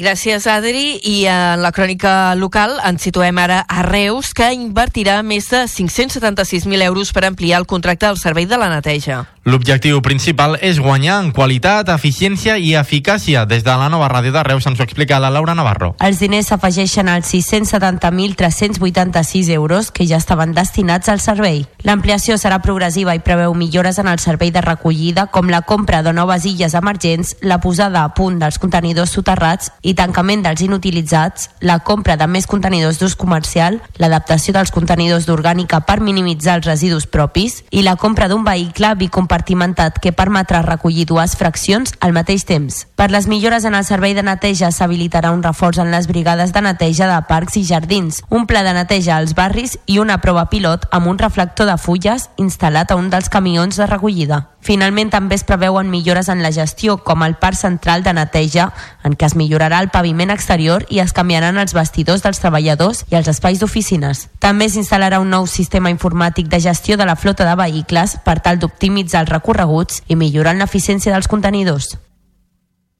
Ja hi ha data per l'inici de les obres de cobriment i climatització de la piscina nova de Torredembarra. Serà dilluns de la setmana vinent, 19 de febrer, i es preveu que els treballs durin 41 setmanes, és a dir, gairebé 10 mesos. Les obres tenen un cost de 2,4 milions d'euros. Ens ho amplia des d'Ona la Torre en Josep Sánchez. La realització d'aquests treballs farà que l'entrada a la zona esportiva municipal des del carrer de la Rosella quedi inhabilitada. Així, per accedir a les instal·lacions caldrà fer-ho per la porta gran al costat del camp de futbol o per l'aparcament de les pistes de tennis. El regidor d'Urbanisme, Javier Perellón, explica que el projecte suposarà una millora substancial de les instal·lacions esportives de la torre. i llavors això és una millora substancial a una població com Torredembarra de 8.000 habitants en el qual té que donar un servei en condicions i totes aquestes queixes que s'han anat recollint precisament el que s'està fent con aquest projecte és solucionar aquest servei. Durant el temps que durin les obres, Torredembarra disposarà d'una única piscina. Per aquest motiu s'està treballant per encabir en aquest espai totes les activitats possibles com són els cursos de natació, la pràctica esportiva i l'esbarjo. Els municipis del Baix Gaià volen reactivar el consorci turístic de la subcomarca. La inquietud ha sorgit entre els municipis costaners d'aquesta zona durant l'acte de signatura del conveni Corner de la Diputació. Ens amplia la informació des d'Altafulla Ràdio l'Eduard Virgili. Una trentena d'ens públics, privats i associacions van signar un any més aquest dimarts el conveni Corner de la Diputació de Tarragona. I és en aquest marc que municipis costaners del Baix Gaià, com Altafulla, Torredembarra, Creixell i Roda de Barà, van contemplar l'opció de reactivar el Consorci Turístic de la subcomarca. Un organisme aquest que, si a dia d'avui no s'ha dissolt en la seva totalitat, poc li falta, donat que algunes poblacions hi van deixar de contribuir i el seu funcionament es va estancar. Ara, ha explicat el regidor de Turisme d'Altafulla, Tomàs Serra, es treballarà per posar-lo de nou en marxa. es va comentar de reactivar el consorci del Baix Gaià que porta uns anys penalitzat perquè un ajuntament no podia fer les aportacions necessàries, tornar a promocionar una mica la, la, la marca Baix Gaià tant sota el paraigües de la Costa Daurada com de manera independent. Serra ha explicat que si el Consorci Turístic del Baix Gaià amb els municipis de l'interior de la subcomarca es torna a posar en marxa, es treballarà perquè l'any vinent també pugui adherir-se al córner de la Diputació.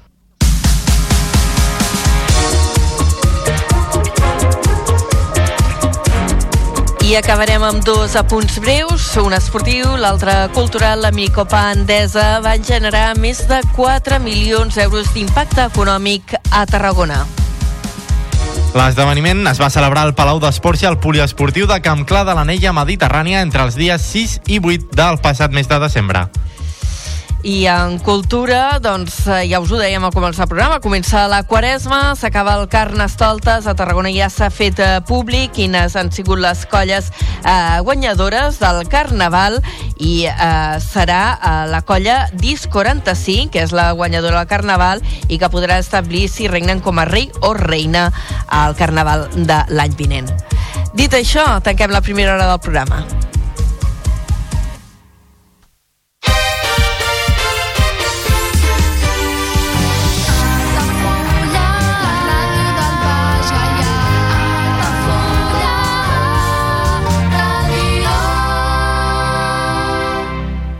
Ja coneixes les propostes que t'ofereix el Club Marítim Altafulla? Vine i descobreix totes les nostres activitats. Sortides en caiac o pa del surf, cursos de vela per a totes les edats.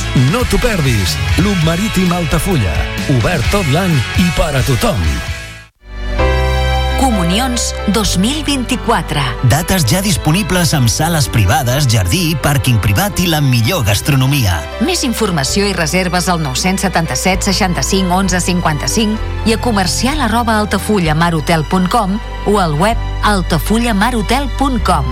Les teves celebracions familiars a l'Altafulla Mar Hotel.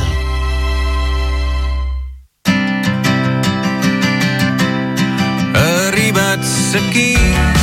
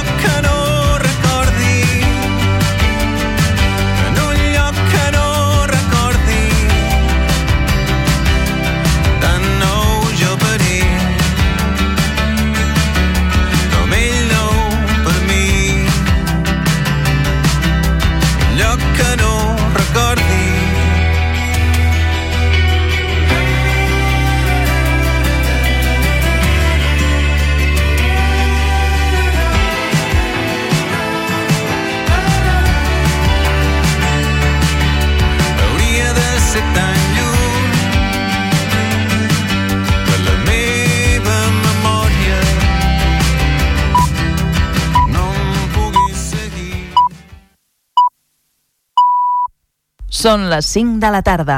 Les tardes d'Altafulla Ràdio, la ràdio del Baix Gaià.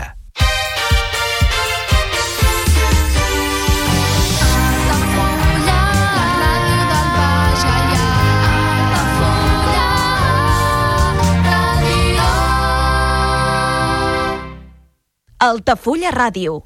Serveis informatius.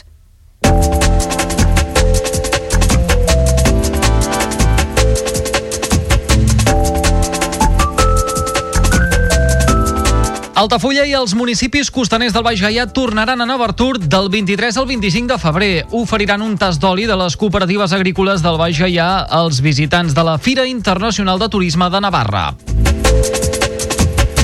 L'Ajuntament d'Altafulla signa un any més el conveni Corner de la Diputació. L'edició que ve podria sumar-s'hi al Consorci Turístic del Baix Gaià, actualment gairebé inexistent i que ara s'intentarà reactivar. El Carnaval d'Altafulla s'acomiada aquest dimecres de cendre. La comitiva fúnebre s'iniciarà a un quart de nou del vespre al Casal La Violeta i culminarà a les antigues escoles Teresa Manero amb barangades i llangonisses. La Biblioteca d'Altafulla posa en marxa un laboratori d'escriptura creativa. Després de l'èxit de l'any passat, la voluntat del taller és que els participants juguin amb les paraules mentre parlen, escriuen o pensen. La policia de Torredembarra deté dos homes per robatori amb força a la deixalleria. En total eren cinc les persones que havien accedit a la instal·lació supramunicipal, però tres es van poder escapar corrent. La xarxa més supera els 63.000 usuaris registrats en el seu primer any. Aquest 14 de febrer la plataforma està d'aniversari. Entre continguts molt diversos s'hi poden trobar podcasts temàtics elaborats per les ràdios locals. I en esports, Altafulla es prepara per acollir la segona prova del Campionat de Catalunya Infantil de BTT aquest diumenge. Contempla totes les categories, des de prebenjamí fins a infantil, que competiran en circuits diferenciats a l'entorn de l'ermita de Sant Antoni. I els trofeus socials del Club Marítim Altafulla esdevenen un èxit de participació per part dels regatistes. Des de l'entitat destaquen que funcionen de meravella i que en més d'una regata han doblat el nombre de participants que era habitual.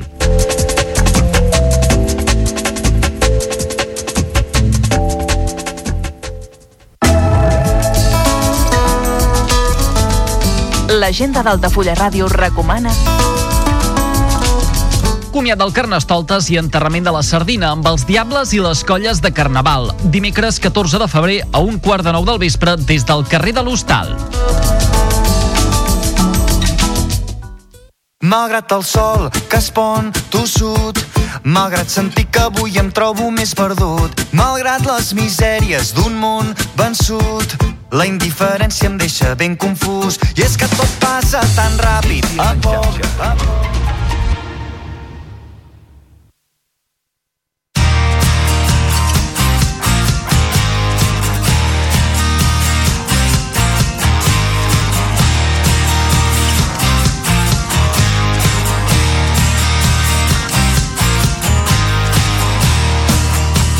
Carrer Major, Toni Mateos i Aleix Pérez. Hola, què tal? Els humans necessitem dormir entre 7 i 8 hores al dia per funcionar. I alguns necessiten un cafè perquè diuen allò de jo és que si no em prenc un cafè no som ningú. En el món animal, els ratpenats són molt dormidegues i poden dormir fins a 20 hores. 20 hores dormint els ratpenats. En canvi, els elefants no arriben a les dues hores al dia, fent algunes becaines esporàdiques. Els koalas tenen el rècord, passen entre 18 i 22 hores dormint al dia. Això es deu al fet de que la seva dieta és molt baixa en nutrients, per la qual cosa necessiten dormir molt per a conservar energia. És que les fulles d'eucaliptus, ja ho saben, el seu principal aliment, són molt difícils de digerir i proporcionen molt poques calories. I a més a més, amb el ritme que mengen els koalas, pues ja en diran. Els mandrosos, els perezosos, ja el nom ens ho indica, dormen entre 15 i 20 hores al dia. Les tarigüelles dormen entre 15 i 20 hores també al dia. déu nhi I les serp de pitó dormen entre 18 i 20 hores al dia. Només surten per caçar. I els animals de casa? Els gats poden arribar a dormir entre 16 hores al dia, ho sé, tinc dues i dormen molt, tot i que la seva son és molt fragmentada, mentre que els gossos dormen 12 i 14 hores al dia. Aleix Pérez de la Nova Ràdio, quin és el teu rècord de dormir seguit? Eh, molt bona tarda, Toni Mateus. Clarament, de tots els animals que has dit, ni m'apropo ni m'apropo a les hores de son. Eh, el meu rècord jo crec que és, és, no, no és sortint de festa la nit anterior, que podria ser que algun dia també ho hagi fet, era quan jo m'anava de petit a, a unes colònies que feien de música i eren com 10 dies de, de, de colònies musicals. I llavors, clar, ja et pots imaginar que jo, un xaval de 10 anys, quan després de 10 dies de pur i frenètica intensitat i vertiginositat, doncs em clavava unes becaines, però potser de 12 hores, 12, 14... Ara ja d'adolescent i de jove no, no, tampoc no he sigut mai massa dormilega, la veritat. Colònies musicals i festa és un oxímoron. Sí? És veritat. Sí. Doncs no ho sé. A mi, sí. No sé, Toni, em fas aquí un, un dubtar jo. Eh, et diré que, que he dormit més... Festa, allò, és una festassa, les colònies musicals, un, un, uau, no ho sé. Però potser sí, m'equivoco, eh? Sí eren, sí eren, sí eren. Vale, vale, vale. Contra la son, contra la migdiada, amics i amigues, carrer Major, el millor antídot que cada tarda el servim des de Ràdio Hospitalet de l'Infant, on a la Torre, Altafulla Ràdio, Ràdio Ciutat de Tarragona, Baix Camp Ràdio, la nova Ràdio de Reus, Ràdio La Selva del Camp i Ràdio Montblanc. Al control tècnic, dos paios ben desperts, en Iago i en Dani. I al capdavant eh, del carrer Major un senyor que s'ha gastat una pasta en el seu darrer matalàs. Mare de Déu, senyor. Cada vegada que hi penso, ara es dorm de, de conya. Benvinguts a Carrer Major.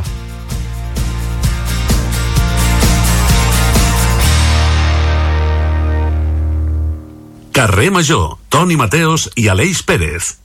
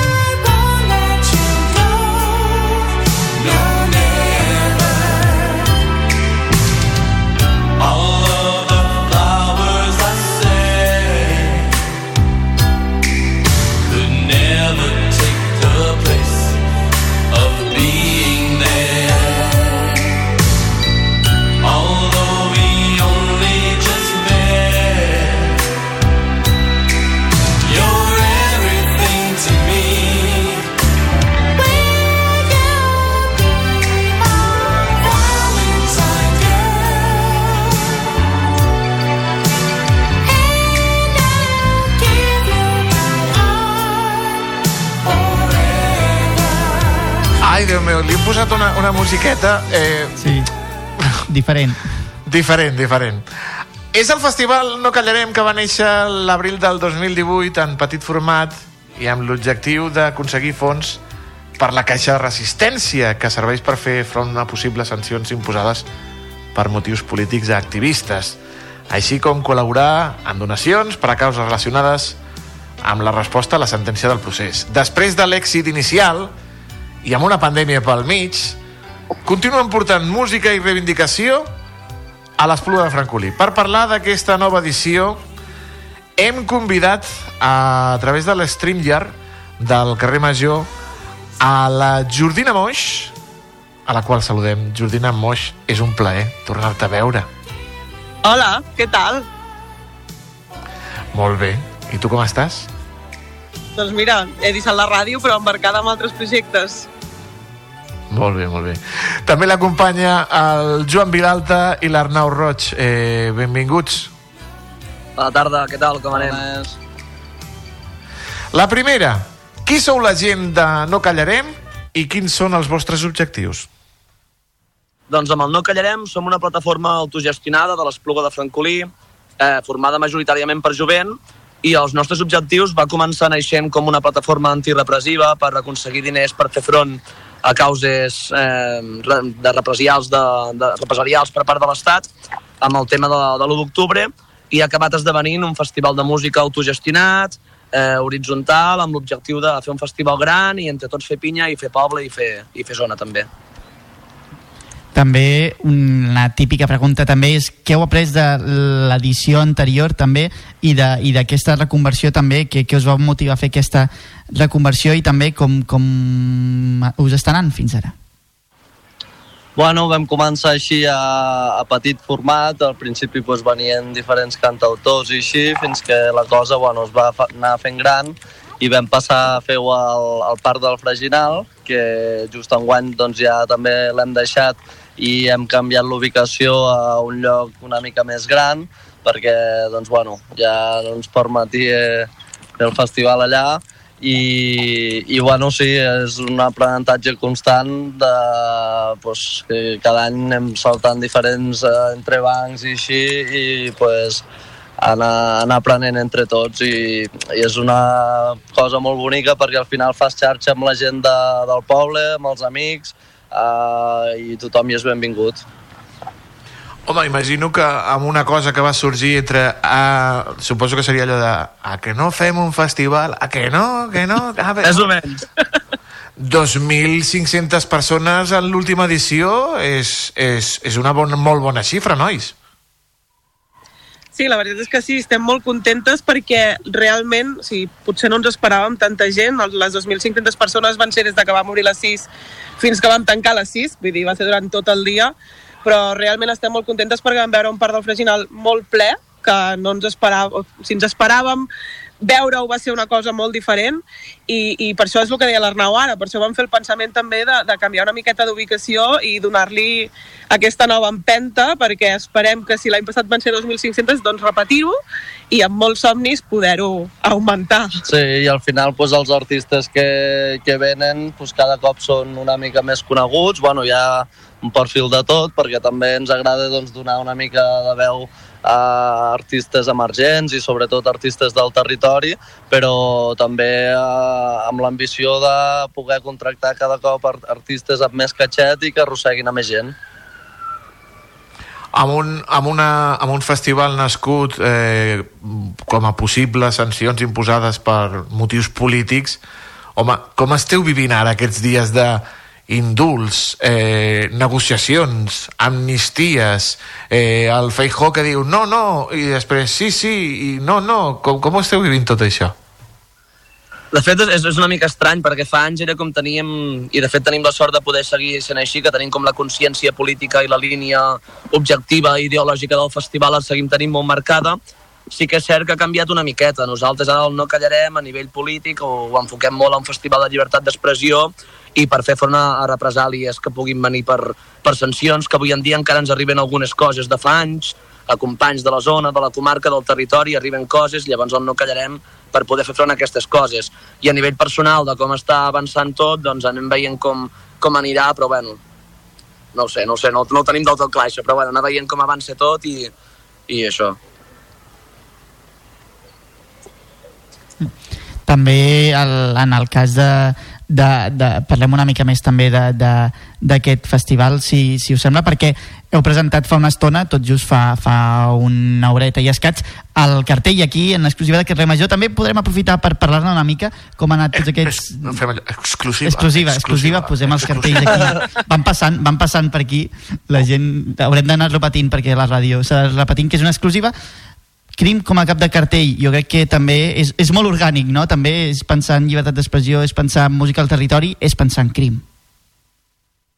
De, bueno, sí, de fer el que volíem era com tenim a, a l'hora de marcar els grups de, que, que en, encararan el festival de, de cada any, intentem, bueno, intentem no, de fet ho escollim horitzontalment entre totes i aleshores el que volem és com tenim com uns eixos principals molt marcats, que és que sigui, mm, hi hagi música del territori, també volem música de fora i volem una mica, bueno, volem paritat de gènere, de fet, eh, volem que hi hagi música reivindicativa, que aposti per la llibertat d'expressió i al final és això, llavors jo crec que, bueno, almenys a nivell personal i crec que a nivell de, de, del festival estem supercontents de tots els grups que vindran a formar part i que volen col·laborar d'aquest projecte, que és el No Callarem d'enguany.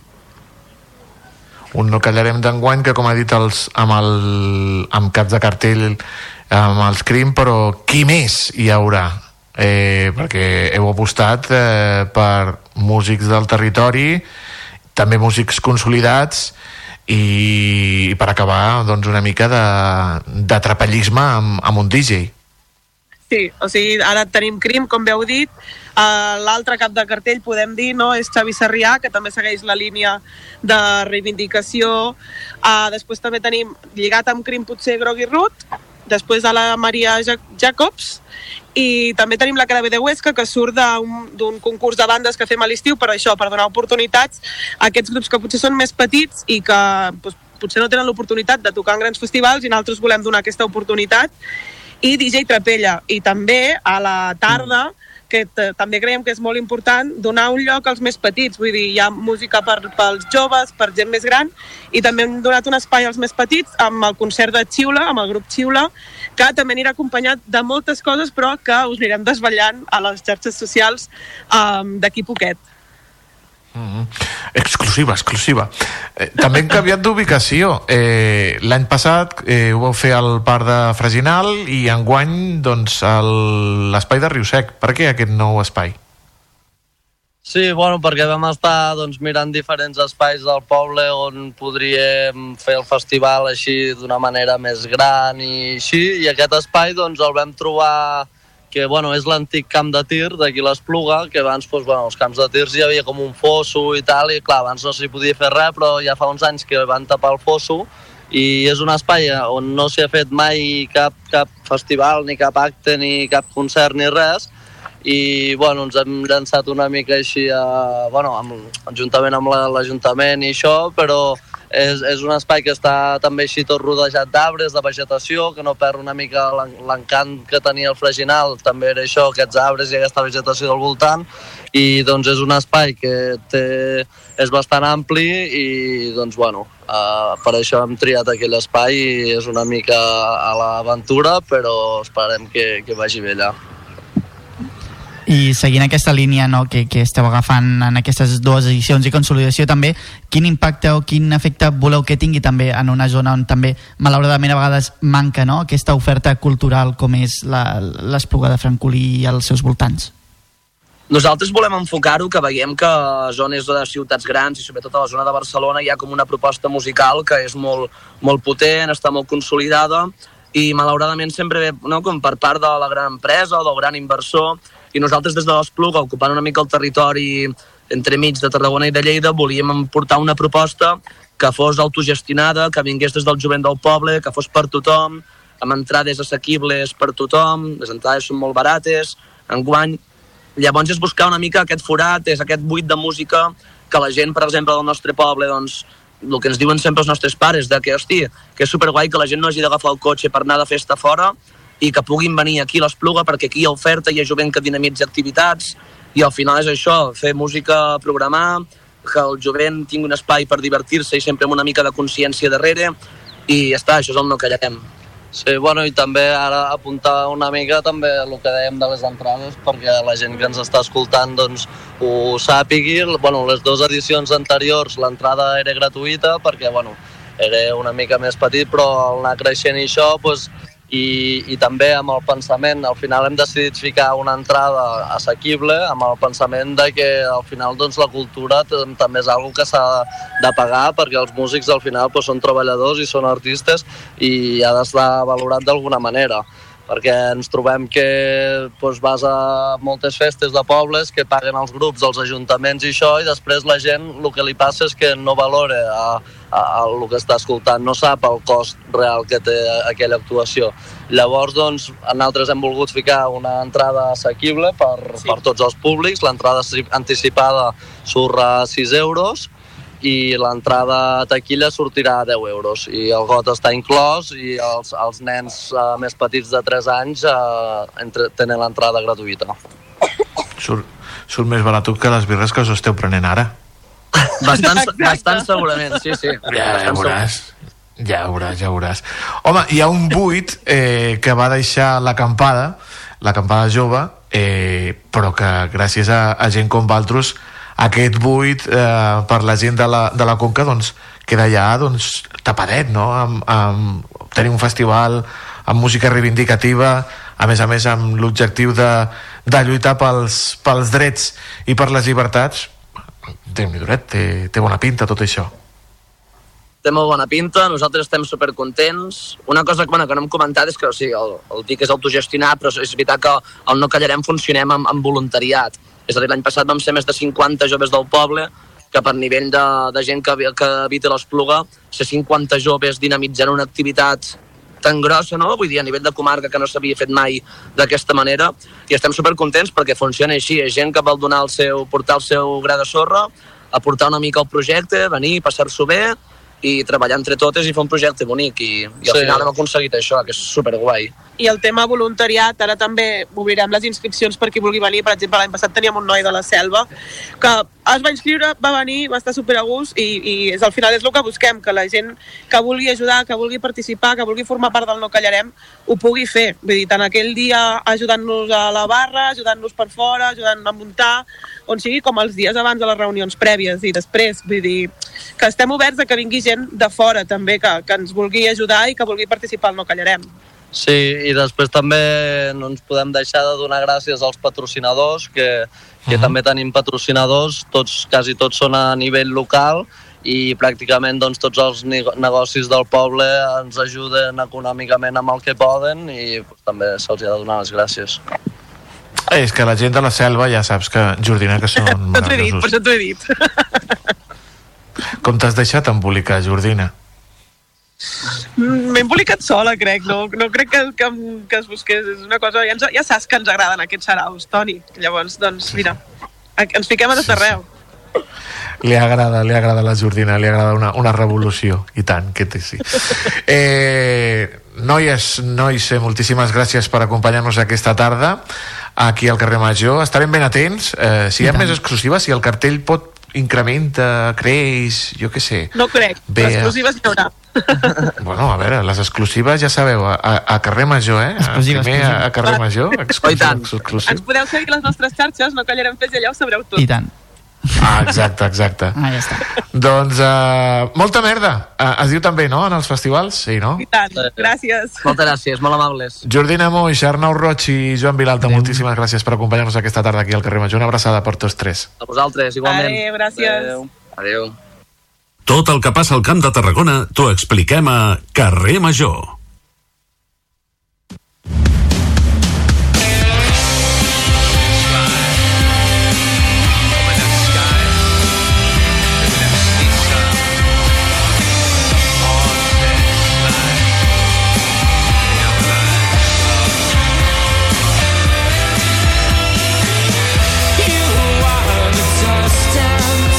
Com cada 15 dies marxem cap al Marroc i sempre ens rep amb un somriure el nostre col·laborador, el Mohamed Said Badawi, que ens apropa eh, un país llunyà però proper, perquè està lluny però, però el tenim aquí al costat, al Marroc. I avui anem a parlar de sanitat. I no sé si també ens eh, parlarà amb un somriure. Mohamed Said Badawi, bona tarda. Hola, molt bona tarda. Què tal, com esteu? Naltros molt bé. I vosaltres per allà baix com esteu? Bé, bé, gràcies a Déu, molt bé. Hem tingut una mica de pluja aquests dies, que ha anat, que ha anat molt bé, perquè el tema de la sequia aquí també l'estem patint. I bé, eh, avui ha tornat a sortir el sol i a veure si de tots no tenim uns dies de pluja una mica més.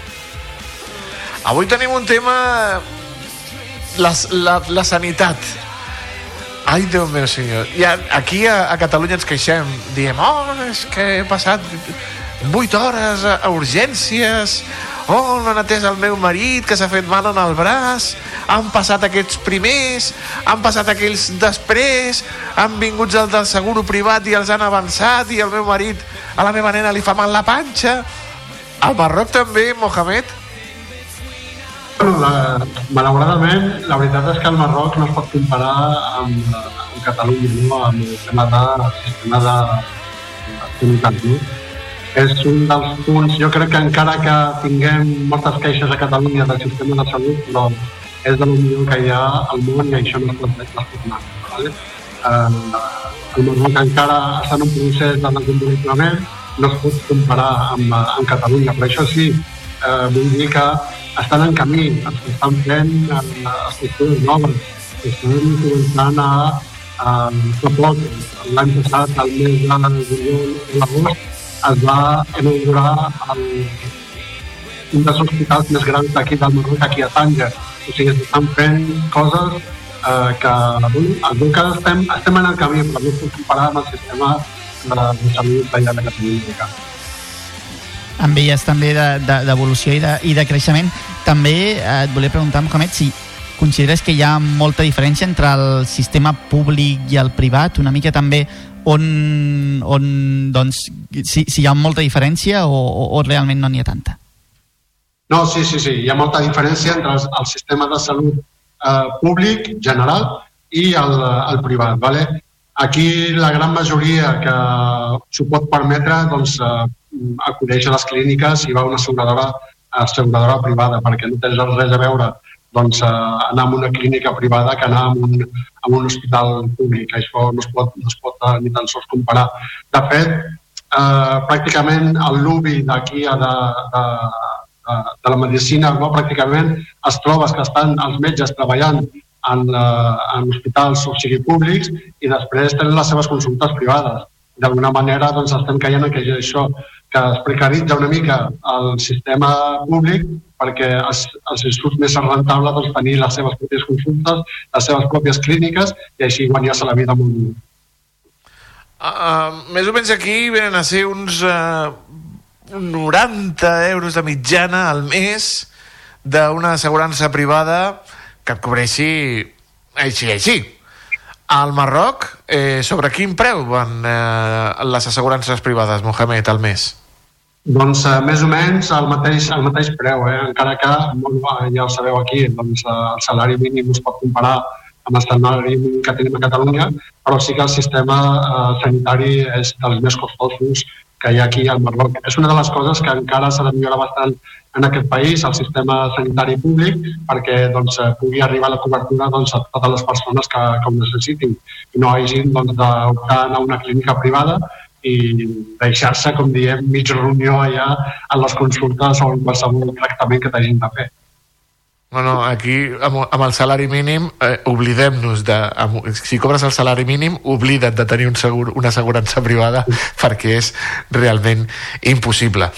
Les famoses llistes d'espera, aquí les patim. Suposen també un problema al Marroc? Sí, sí, sí, les llistes d'espera també són bastant, bastant llargues, per això la gent doncs, al final acaba optant per anar a una clínica, pagar si fa falta, si li corre pressa i uh, avançar. No? Jo crec que és una de les coses que s'està um, abusant una mica, no? diguem-ne, perquè la gent doncs, ràpidament eh, pensa, doncs, no, jo no em vull esperar, tinc que anar doncs, a, a curar-me el que sigui o a mirar-me el que m'està passant i buscar la manera de, de, de pagar doncs, la, la visita o el tractament en una clínica privada i ja està. Però ja et dic, no crec que sigui, que sigui la solució perquè al final és el que us he comentat abans, els mateixos metges que estan treballant en la pública, estan treballant a la privada i eh, d'alguna manera precaritzen la, la, la pública i acaben doncs, eh, la, fent a la gent optar doncs, per la privada. inclús també no, potser eh, un metge que està a la pública potser no té accés als mateixos eh, als mateixos estris, a les mateixes eines a, a, a, a les mateixes doncs, dispositius que pot tenir en un centre privat, no? Sí, sí, sí, totalment, totalment. I, bueno, i que, el que us he comentat abans, al Marroc doncs, està en desenvolupament i s'estan fent eh, nous eh, hospitals. D'aquí de Tanja, per exemple, és un, un hospital universitari, vindria a ser com el que tenim a, l'Hospital Sant Joan allà, allà, allà a Reus, i és d'unes dimensions extraordinàries, eh, amb eh, instal·lacions d'última generació, però, esclar, eh, això no està a totes les ciutats tampoc de, de moment les estan instal·lant a les principals ciutats. Hi ha aquí a Tànger, hi ha Casablanca, hi ha Rabat, Uh, s'està construint el de Tetuán, que el tenim també aquí a uns 95 quilòmetres d'aquí, s'està construint un uh, hospital universitari, i això doncs, dona la senyal de que el, el país està evolucionant, o sigui, no està, no està estancat ni està parat, sinó que va cap endavant, però tot això doncs, necessita el seu temps no? perquè puguem doncs, gaudir d'un bon sistema sanitari. Vam parlar ja fa algunes setmanes de l'educació de, de les universitats al, al, al Marroc. Les carreres de medicina, les carreres d'infermeria, eh, també suposo que tenen molta sortida i a més a més, com has dit tu, amb aquests nous hospitals eh, també requereixen els estudis no? per, per exercir medicina, exercir la infermeria o altre, o altre tipus de, de treball relacionat amb el món sanitari? Sí, sí, totalment. Eh, jo fins i tot algun company que mm, està en el món de la sanitat allà a Catalunya m'ha preguntat per uh, fer alguna cosa aquí al Marroc i li he dit, escolta, del, del teu ofici, la teva feina, aquí hi ha una gran demanda, o sigui, aquí uh, series benvingut, fins i tot si volguessis fer alguna cosa privada per tu mateix, doncs també eh, pensa que aquí et guanyaries molt bé la vida, es paga molt bé doncs, eh, tant eh, el sou com també doncs, eh, els tractaments. Ja et dic, el cost d'un tractament aquí al Marroc eh, està equivalent al que ja podria passar doncs, a Catalunya o, o a Espanya. No? Ens fot pràcticament per, per el mateix, encara que el que diem sempre, no? que el salari no és el mateix i ha altres serveis potser externalitzats com és en el cas de Catalunya com l'ontologia o la podologia o, o inclús l'aptometria també una mica aquests, aquests altres serveis estan inclosos dintre del sistema públic funcionen, no funcionen o al final s'acaben sent llocs especialitzats?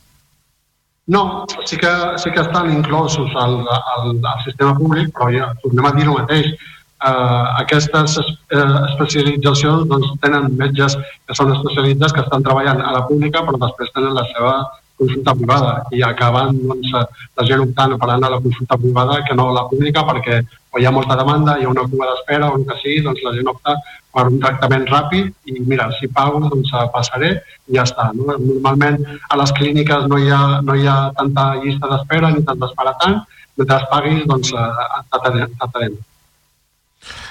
Parlava l'Aleix dels dentistes, eh, dels uròlegs, dels oncòlegs, etc etc. Anem a parlar també de la salut mental. També hi ha llista d'espera a la Seguretat Social al Marroc que triguen més de dos anys per donar-te cita, per donar-te una visita de, per parlar amb el psicòleg? Aquí, per exemple, és una altra mentalitat, vale? és una altra mentalitat. Encara es veu com si fos una cosa molt, molt dolenta, no?, l'anar al psicòleg. Només, eh, si vas al psicòleg és que ja està, ja, ja, ja he perdut el cap totalment, no? La gent encara no ha arribat a aquesta conscienciació com, per exemple, doncs, que per ansietat o per depressió, que diguin, doncs, eh, necessito, a part de tenir la medicació, doncs, necessito parlar amb una persona que em pugui guiar per fer, doncs, eh, eh per millorar la meva vida, no? per, per, per afrontar doncs, tot el que em ve al damunt eh, encara és tabú, no? La gent aquí doncs, no ho parla gaire, la gent eh, eh, encara té por no? anunciar doncs, eh, que té un problema mental o que sigui, per el que diran, no? I per, ja et dic, aquí normalment es relaciona que la persona que va al psiquiatre o alguna cosa és que ja ha perdut el cap totalment i encara doncs, hi ha aquesta eh, por que t'etiquetin, no? que et posin aquesta etiqueta. S'ha de trencar aquest tabú, eh, Mohamed? S'ha de trencar aquest tabú eh, no, no cal eh, estar malament per anar al psicòleg, sinó que et pot ajudar doncs, a ordenar, a fer capsetes de, de, de la teva ment, convertir-la en capsetes i que estigui tot ben ordenat i no que estigui tot desparramat. Eh, S'ha de trencar aquest tabú i amb seccions com aquestes és el que intentem eh, aquí al carrer Major. Mohamed Saïd Badawi, com sempre, un plaer parlar amb tu, cuida't molt i fins d'aquí 15 dies una abraçada molt gran fins al Marroc. Una abraçada a tots dos i ens veiem d'aquí a 15 dies. Adéu. Cada tarda de dilluns a divendres fem parada a Carrer Major.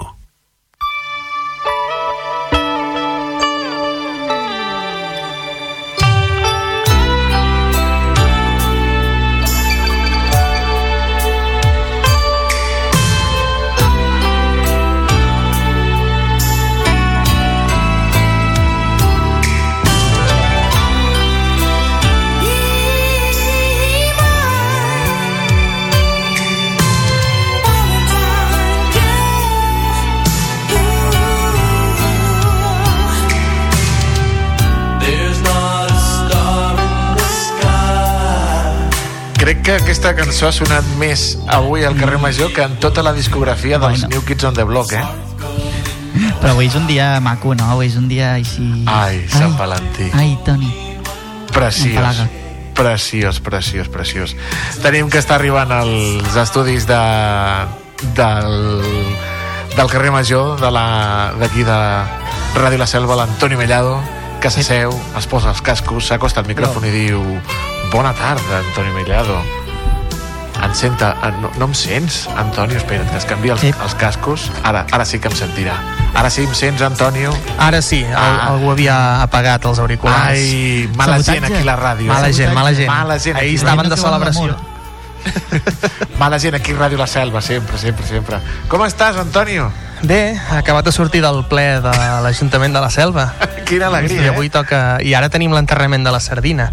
Mira, i, O sigui que... Has dinat algo? Sí, he pogut dinar, per sort. Bé. Però... Molta feina, molta feina avui. I, i t'han regalat algo pel dia de Sant Valentí? Què? dia de Sant Valentí, Antonio. Ai, sí, avui hem de parlar del dia de Sant Valentí, el dia de l'amor i l'amistat, el dia més cursi del món per molta gent, eh? entre els quals s'inclou un servidor. Catalunya es divideix sempre entre els que celebren Sant Jordi o Sant Valentí. Jo he de fer la pregunta important. Sant Jordi. Toni Mateo, Sant Jordi, Sant Jordi. Aleix Pérez. Sant Jordi, Sant Jordi. Ah, així m'agrada. Sant Jordi.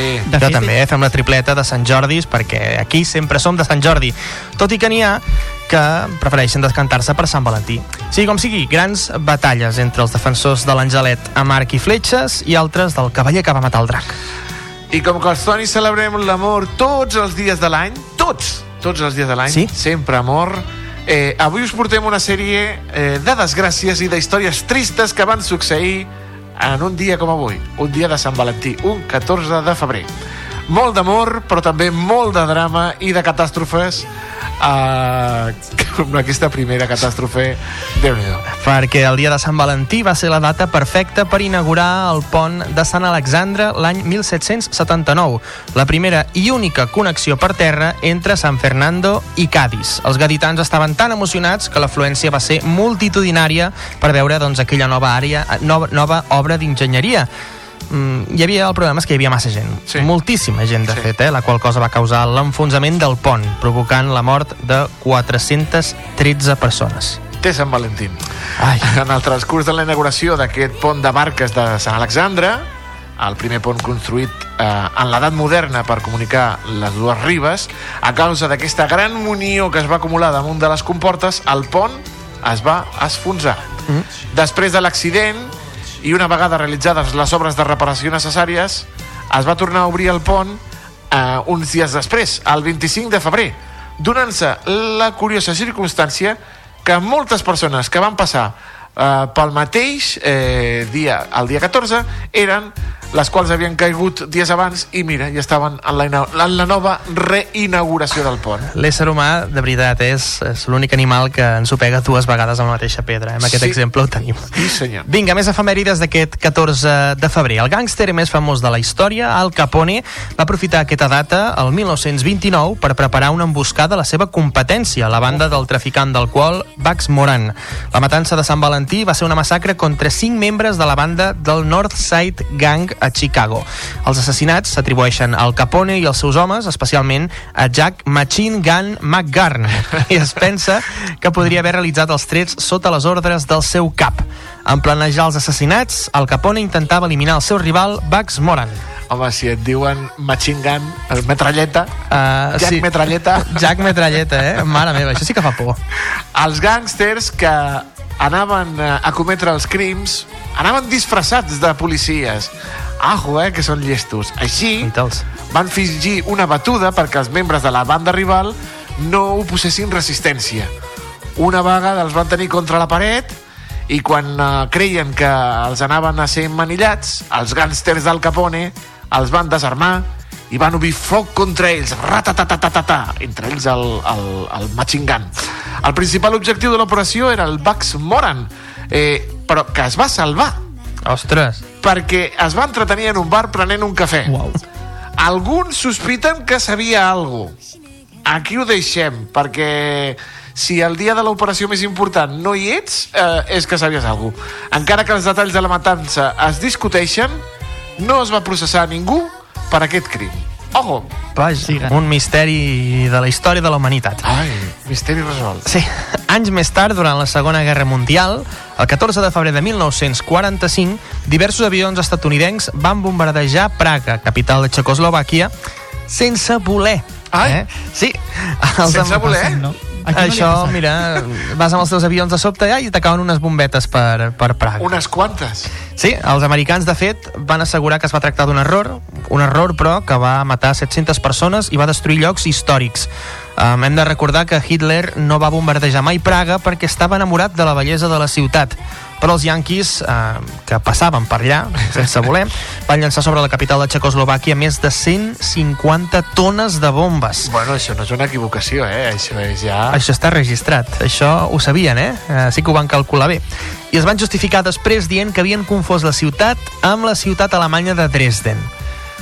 Està una mica lluny, Toni? Tu que uh, coneixes uh, més estan, la... Estan, estan lluny. Uh, clar, des de l'avió potser dius això què és? És Praga? No, és Dresden! Bomba va, bomba va! Una alta qualsevol. Sí, sí, però tan gran. El tràgic atac eh, continua suscitant discussions entre els historiadors. Uns es creuen la versió donada pels pilots americans, mentre que uns altres defensen que no va haver-hi aquest error, que va ser un bombardeig intencionat que podria ser qualificat de crim de guerra. Els ciutadans de Praga havien sentit sonar les alarmes moltes vegades al llarg de la Segona Guerra Mundial i mai passava res. Així que el dia 14 de febrer, quan van sentir les alarmes, ells passejaven tranquil·lament pel carrer. Tenien la sensació de que ja res els podia passar amb una Alemanya nazi agonitzant. Greu error. El foc amic va provocar el desastre. Desastre. Vinga, seguim amb més efemèrides que van passar aquest dia de Sant Valentí uh, i hem d'anar ara fins l'any 1989 amb la publicació del llibre Versus Satànics vaja, que va provocar el caos en comunitats musulmanes. A l'Iran, l'ayatollah Ruhollah Khomeini fa una crida als musulmans de tot el món per assassinar l'escriptor, en Salman Rushdie. Rushdie. El Per- Rushdie, Salman Rushdie. a Salman Rushdie, per entendre que la seva obra literària ofenia l'islamisme. El líder religiós de l'Iran va promulgar a través de Radio Teheran un edicte religiós ordenant l'execució de Rushdie per haver escrit un llibre que es considerava blasfem contra l'islam. Jo, Jomeini va acusar Rushdie del pecat d'apostàsia, l'abandó de la fe islàmica, que, segons els seus mandats, s'ha de castigar amb la mort. Khomeini va fer aquesta crida a l'execució de l'escriptor i la d'aquells editors que publiquessin el llibre eh, coneixent els seus continguts. A pesar de que l'Iran ja no busca l'execució de, de Salman Rushdie amb aquesta ordre, la que es diuen fatwa, eh, les ordres que dona un, un ayatollah, aquesta ordre només podia haver estat revocada per la persona que la va emetre. I Khomeini va morir aquell mateix any, el 1989. Vaja. Per això, encara, di, encara avui dia, alguns grups fonamentalistes consideren que aquesta fàtua continua sent vàlida independentment de la postura del govern iranià. El que aconsegueixi carregar-se a Salman Rushdie podria rebre uns 3 milions i mig de dòlars de part de fundacions religioses iranís. Rushdie, recordem, va patir un atemptat el passat 2022 on va perdre un ull i la mobilitat d'una mà. A Nova York, no? Va ser? A Nova York, sí senyor. I amb les càmeres allà al damunt, sí, sí. Sí, sí. I acabem aquesta llista d'efemèrides desafortunades, no? Tot, totes. Jo crec que aquesta última també ho és una mica. Ui, Toni aquesta, Matías. aquesta, aquesta és de, de, de pel·lícula. Aquesta és de serial d'Antena 3 a les 3 de la tarda. Exacte. Pel·lícula d'Antena 3. Perquè és terrible. Sí, sí, sí, estem parlant del cas d'Òscar Pistorius. Hombre, el Pistorius. Qui havia estat multicampió paralímpic i va assassinar la seva núvia precisament en el Dia dels Enamorats, el 14 de febrer de 2013. Quatre trets li van treure la vida a la model Riva Steenkamp i Pistorius, famós atleta paralímpic que corria amb unes espectaculars pròtesis de fibra, la nit dels enamorats va assassinar la seva núvia Riva, que estava al lavabo de casa. Ell va dir que la va confondre amb un lladre amagat al lavabo. Sí, i li va disparar quatre cops. En el judici, Pistorius va ser condemnat en un principi a 5 anys de presó després de ser declarat culpable d'homicidi culpós, però absolt d'assassinat. La jutgessa que va instruir el cas va veure provat que Pistorius va disparar intencionadament a través de la porta del bany, encara que sense el propòsit de matar la persona que hi havia dins. Home, si dispares Ah, sí, què vols que et digui? a la porta del lavabo... No esperes que sortin flors, no? Ah, no, no, no, no, no, no.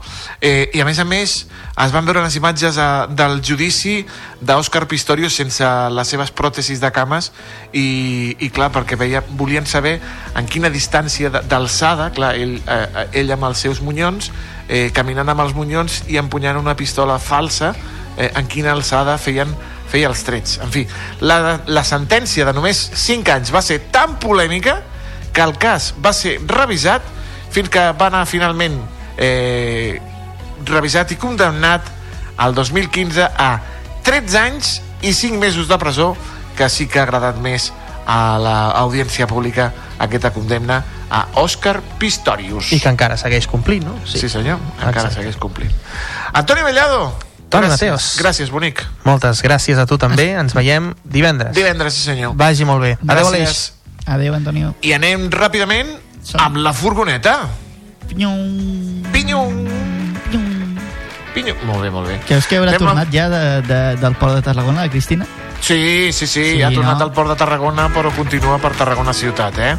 Anem a veure per on para la Cristina Artacho. La saludem. Cristina Artacho, molt bona tarda. a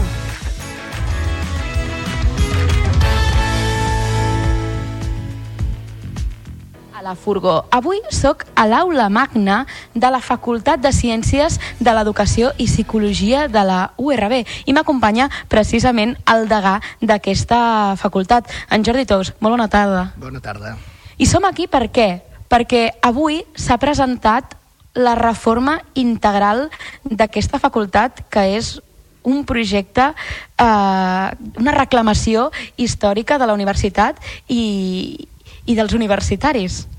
Sí, perquè nosaltres estem a la facultat, diguem-ne, més gran en tant en quant a número d'estudiat, professorat i personal administratiu i de gestió, eh, perquè estem a l'edifici, diguem-ne, històricament més vell que era l'antiga escola normal, l'escola de magisteri, i que, malgrat que s'hagin fet intervencions i adequacions, era un edifici que ja fa molt de temps que està esperant aquesta reforma.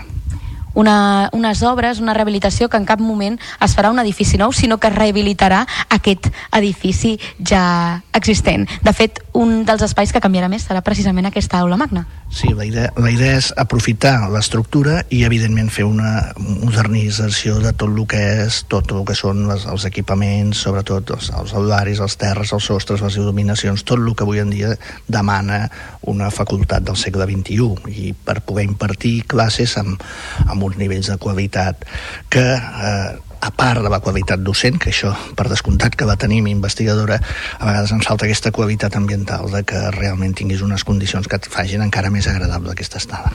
I com anirà el projecte pel que fa als terminis? Perquè la previsió és que la licitació es faci pública la setmana vinent.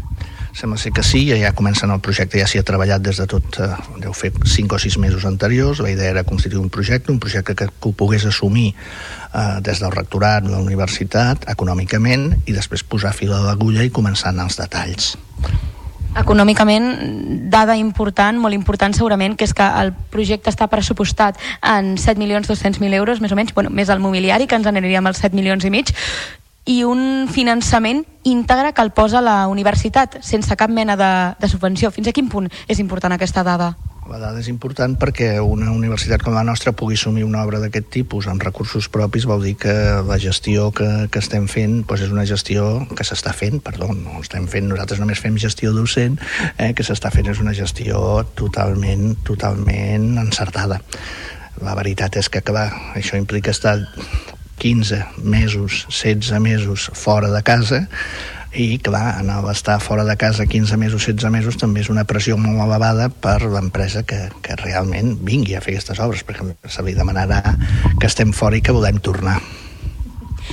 Unes obres que afectaran a una comunitat universitària molt gran d'uns 1.500 estudiants. De quina manera eh, la URB garantirà no garantiran la eh, presencialitat i han distribuït aquest alumnat en diferents espais de del campus universitari i espais annexos també. Sí, a veure, un dels primers de les premisses amb les que vam treballar quan ens vam veure que el projecte anava endavant és en tractar de continuar l'activitat amb la mateixa normalitat que tenim ara, aprofitant que el mateix campus Sabades, les facultats d'enginyeria, les facultats de química, les facultats d'enologia, els CRAI i tots els serveis que tenim ens havíem de fer espai, havíem de fer espai per aquests estudiants perquè poguessin continuar la major part de les seves sessions aquí. També tenim un espai annex que no es remodela, que evidentment tindrà un pes més important en les aules i eh, deixarem el 90% d'estudiants fent classes presencials en aquest entorn i el 10% que resta és el que hem aconseguit, des de rectorat s'ha aconseguit la sessió temporal de l'espai de l'antic seminari eh, per poder encabir-hi, si no recordo malament, uns 200 estudiants que significarien aquest 10% últim d'estudiants que estaran en aquell entorn. Evidentment, totes les aules que es faran classes estan equipades i totes les aules són aules per fer formació. Algunes, ja us dic, no és ni millor ni pitjor, sinó que senzillament es garanteix la mateixa qualitat. I aquestes obres, no sé si ens pot donar detalls concrets de quins aspectes es milloraran doncs, a nivell d'aulari, a nivell tecnològic, a nivell mediambiental?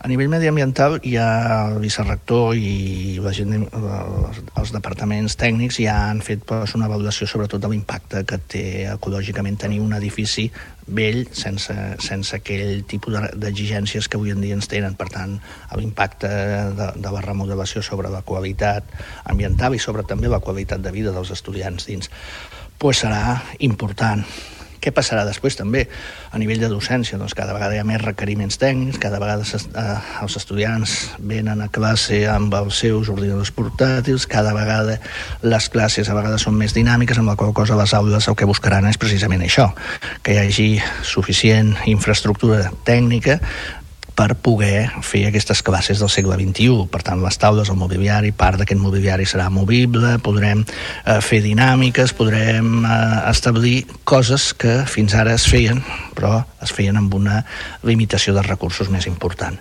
I després també el fet de, de, de poder continuar convivint a la casa, no? i ara, per exemple, tenim un grup important, grups importants de recerca reconeguts amb impacte que els tenim eh, treballant en unes condicions doncs, de despatxos que volem millorar. I per això un dels elements centrals d'aquest projecte que jo hi vaig lluitar bastant i es va entendre bastant és el tindre una àgora on poder fer la recerca, on poder tenir aquests estudiants que volen formar-se, que volen ser investigadores, que volen ser investigadors o que, per altra part, venen a vegades amb estades temporals d'altres universitats amb les que tenim conveni.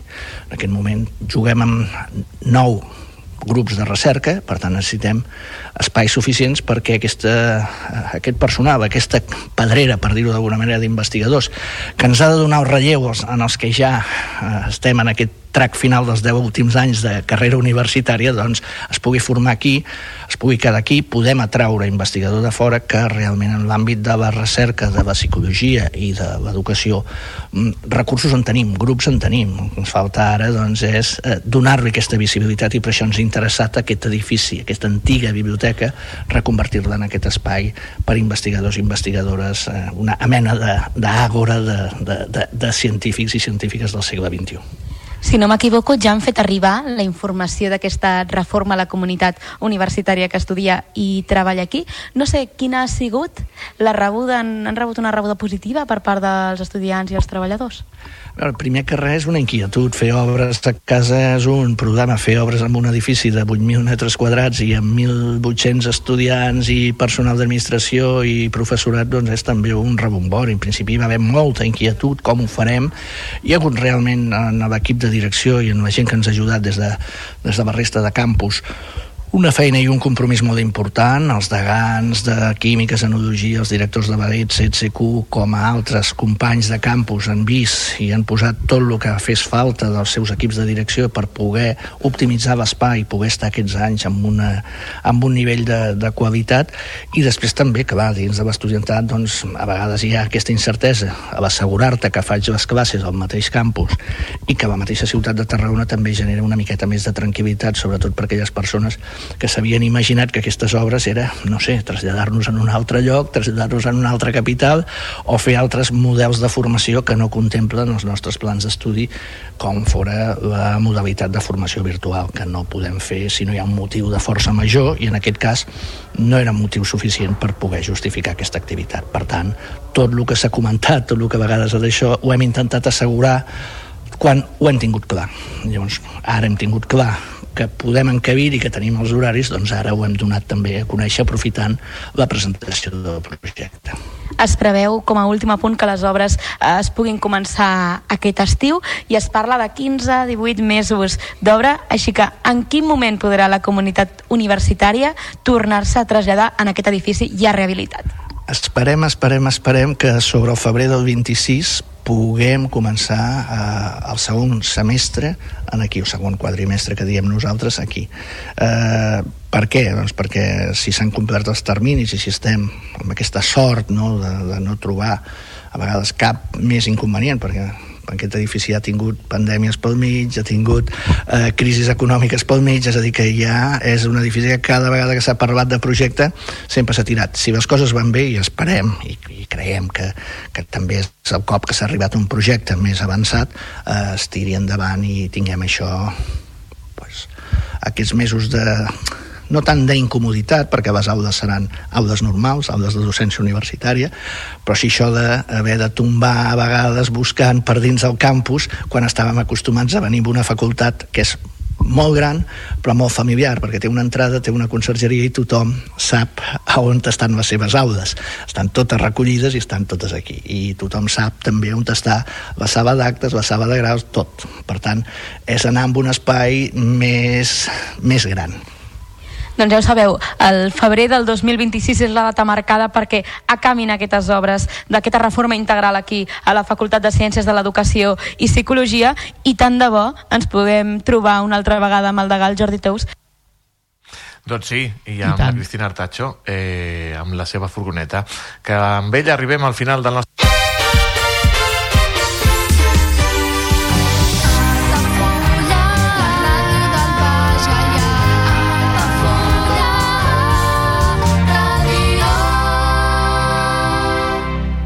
Ja coneixes les propostes que t'ofereix el Club Marítim Altafulla? Vine i descobreix totes les nostres activitats.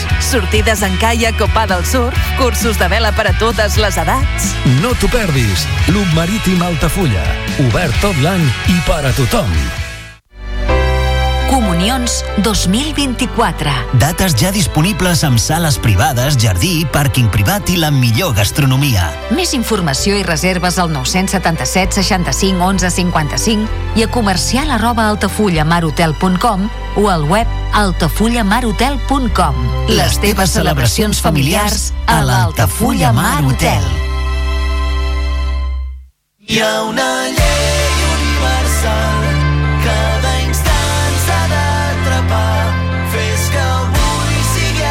especial que demà no tornarà. Sé que mai no sabut respondre al primer crit, fer cas a tot allò que el cor tenia vist, per no precipitar-me. No em vull empenedir del que no vaig fer ahir, no vull saber que m'he apartat d'aquell camí, no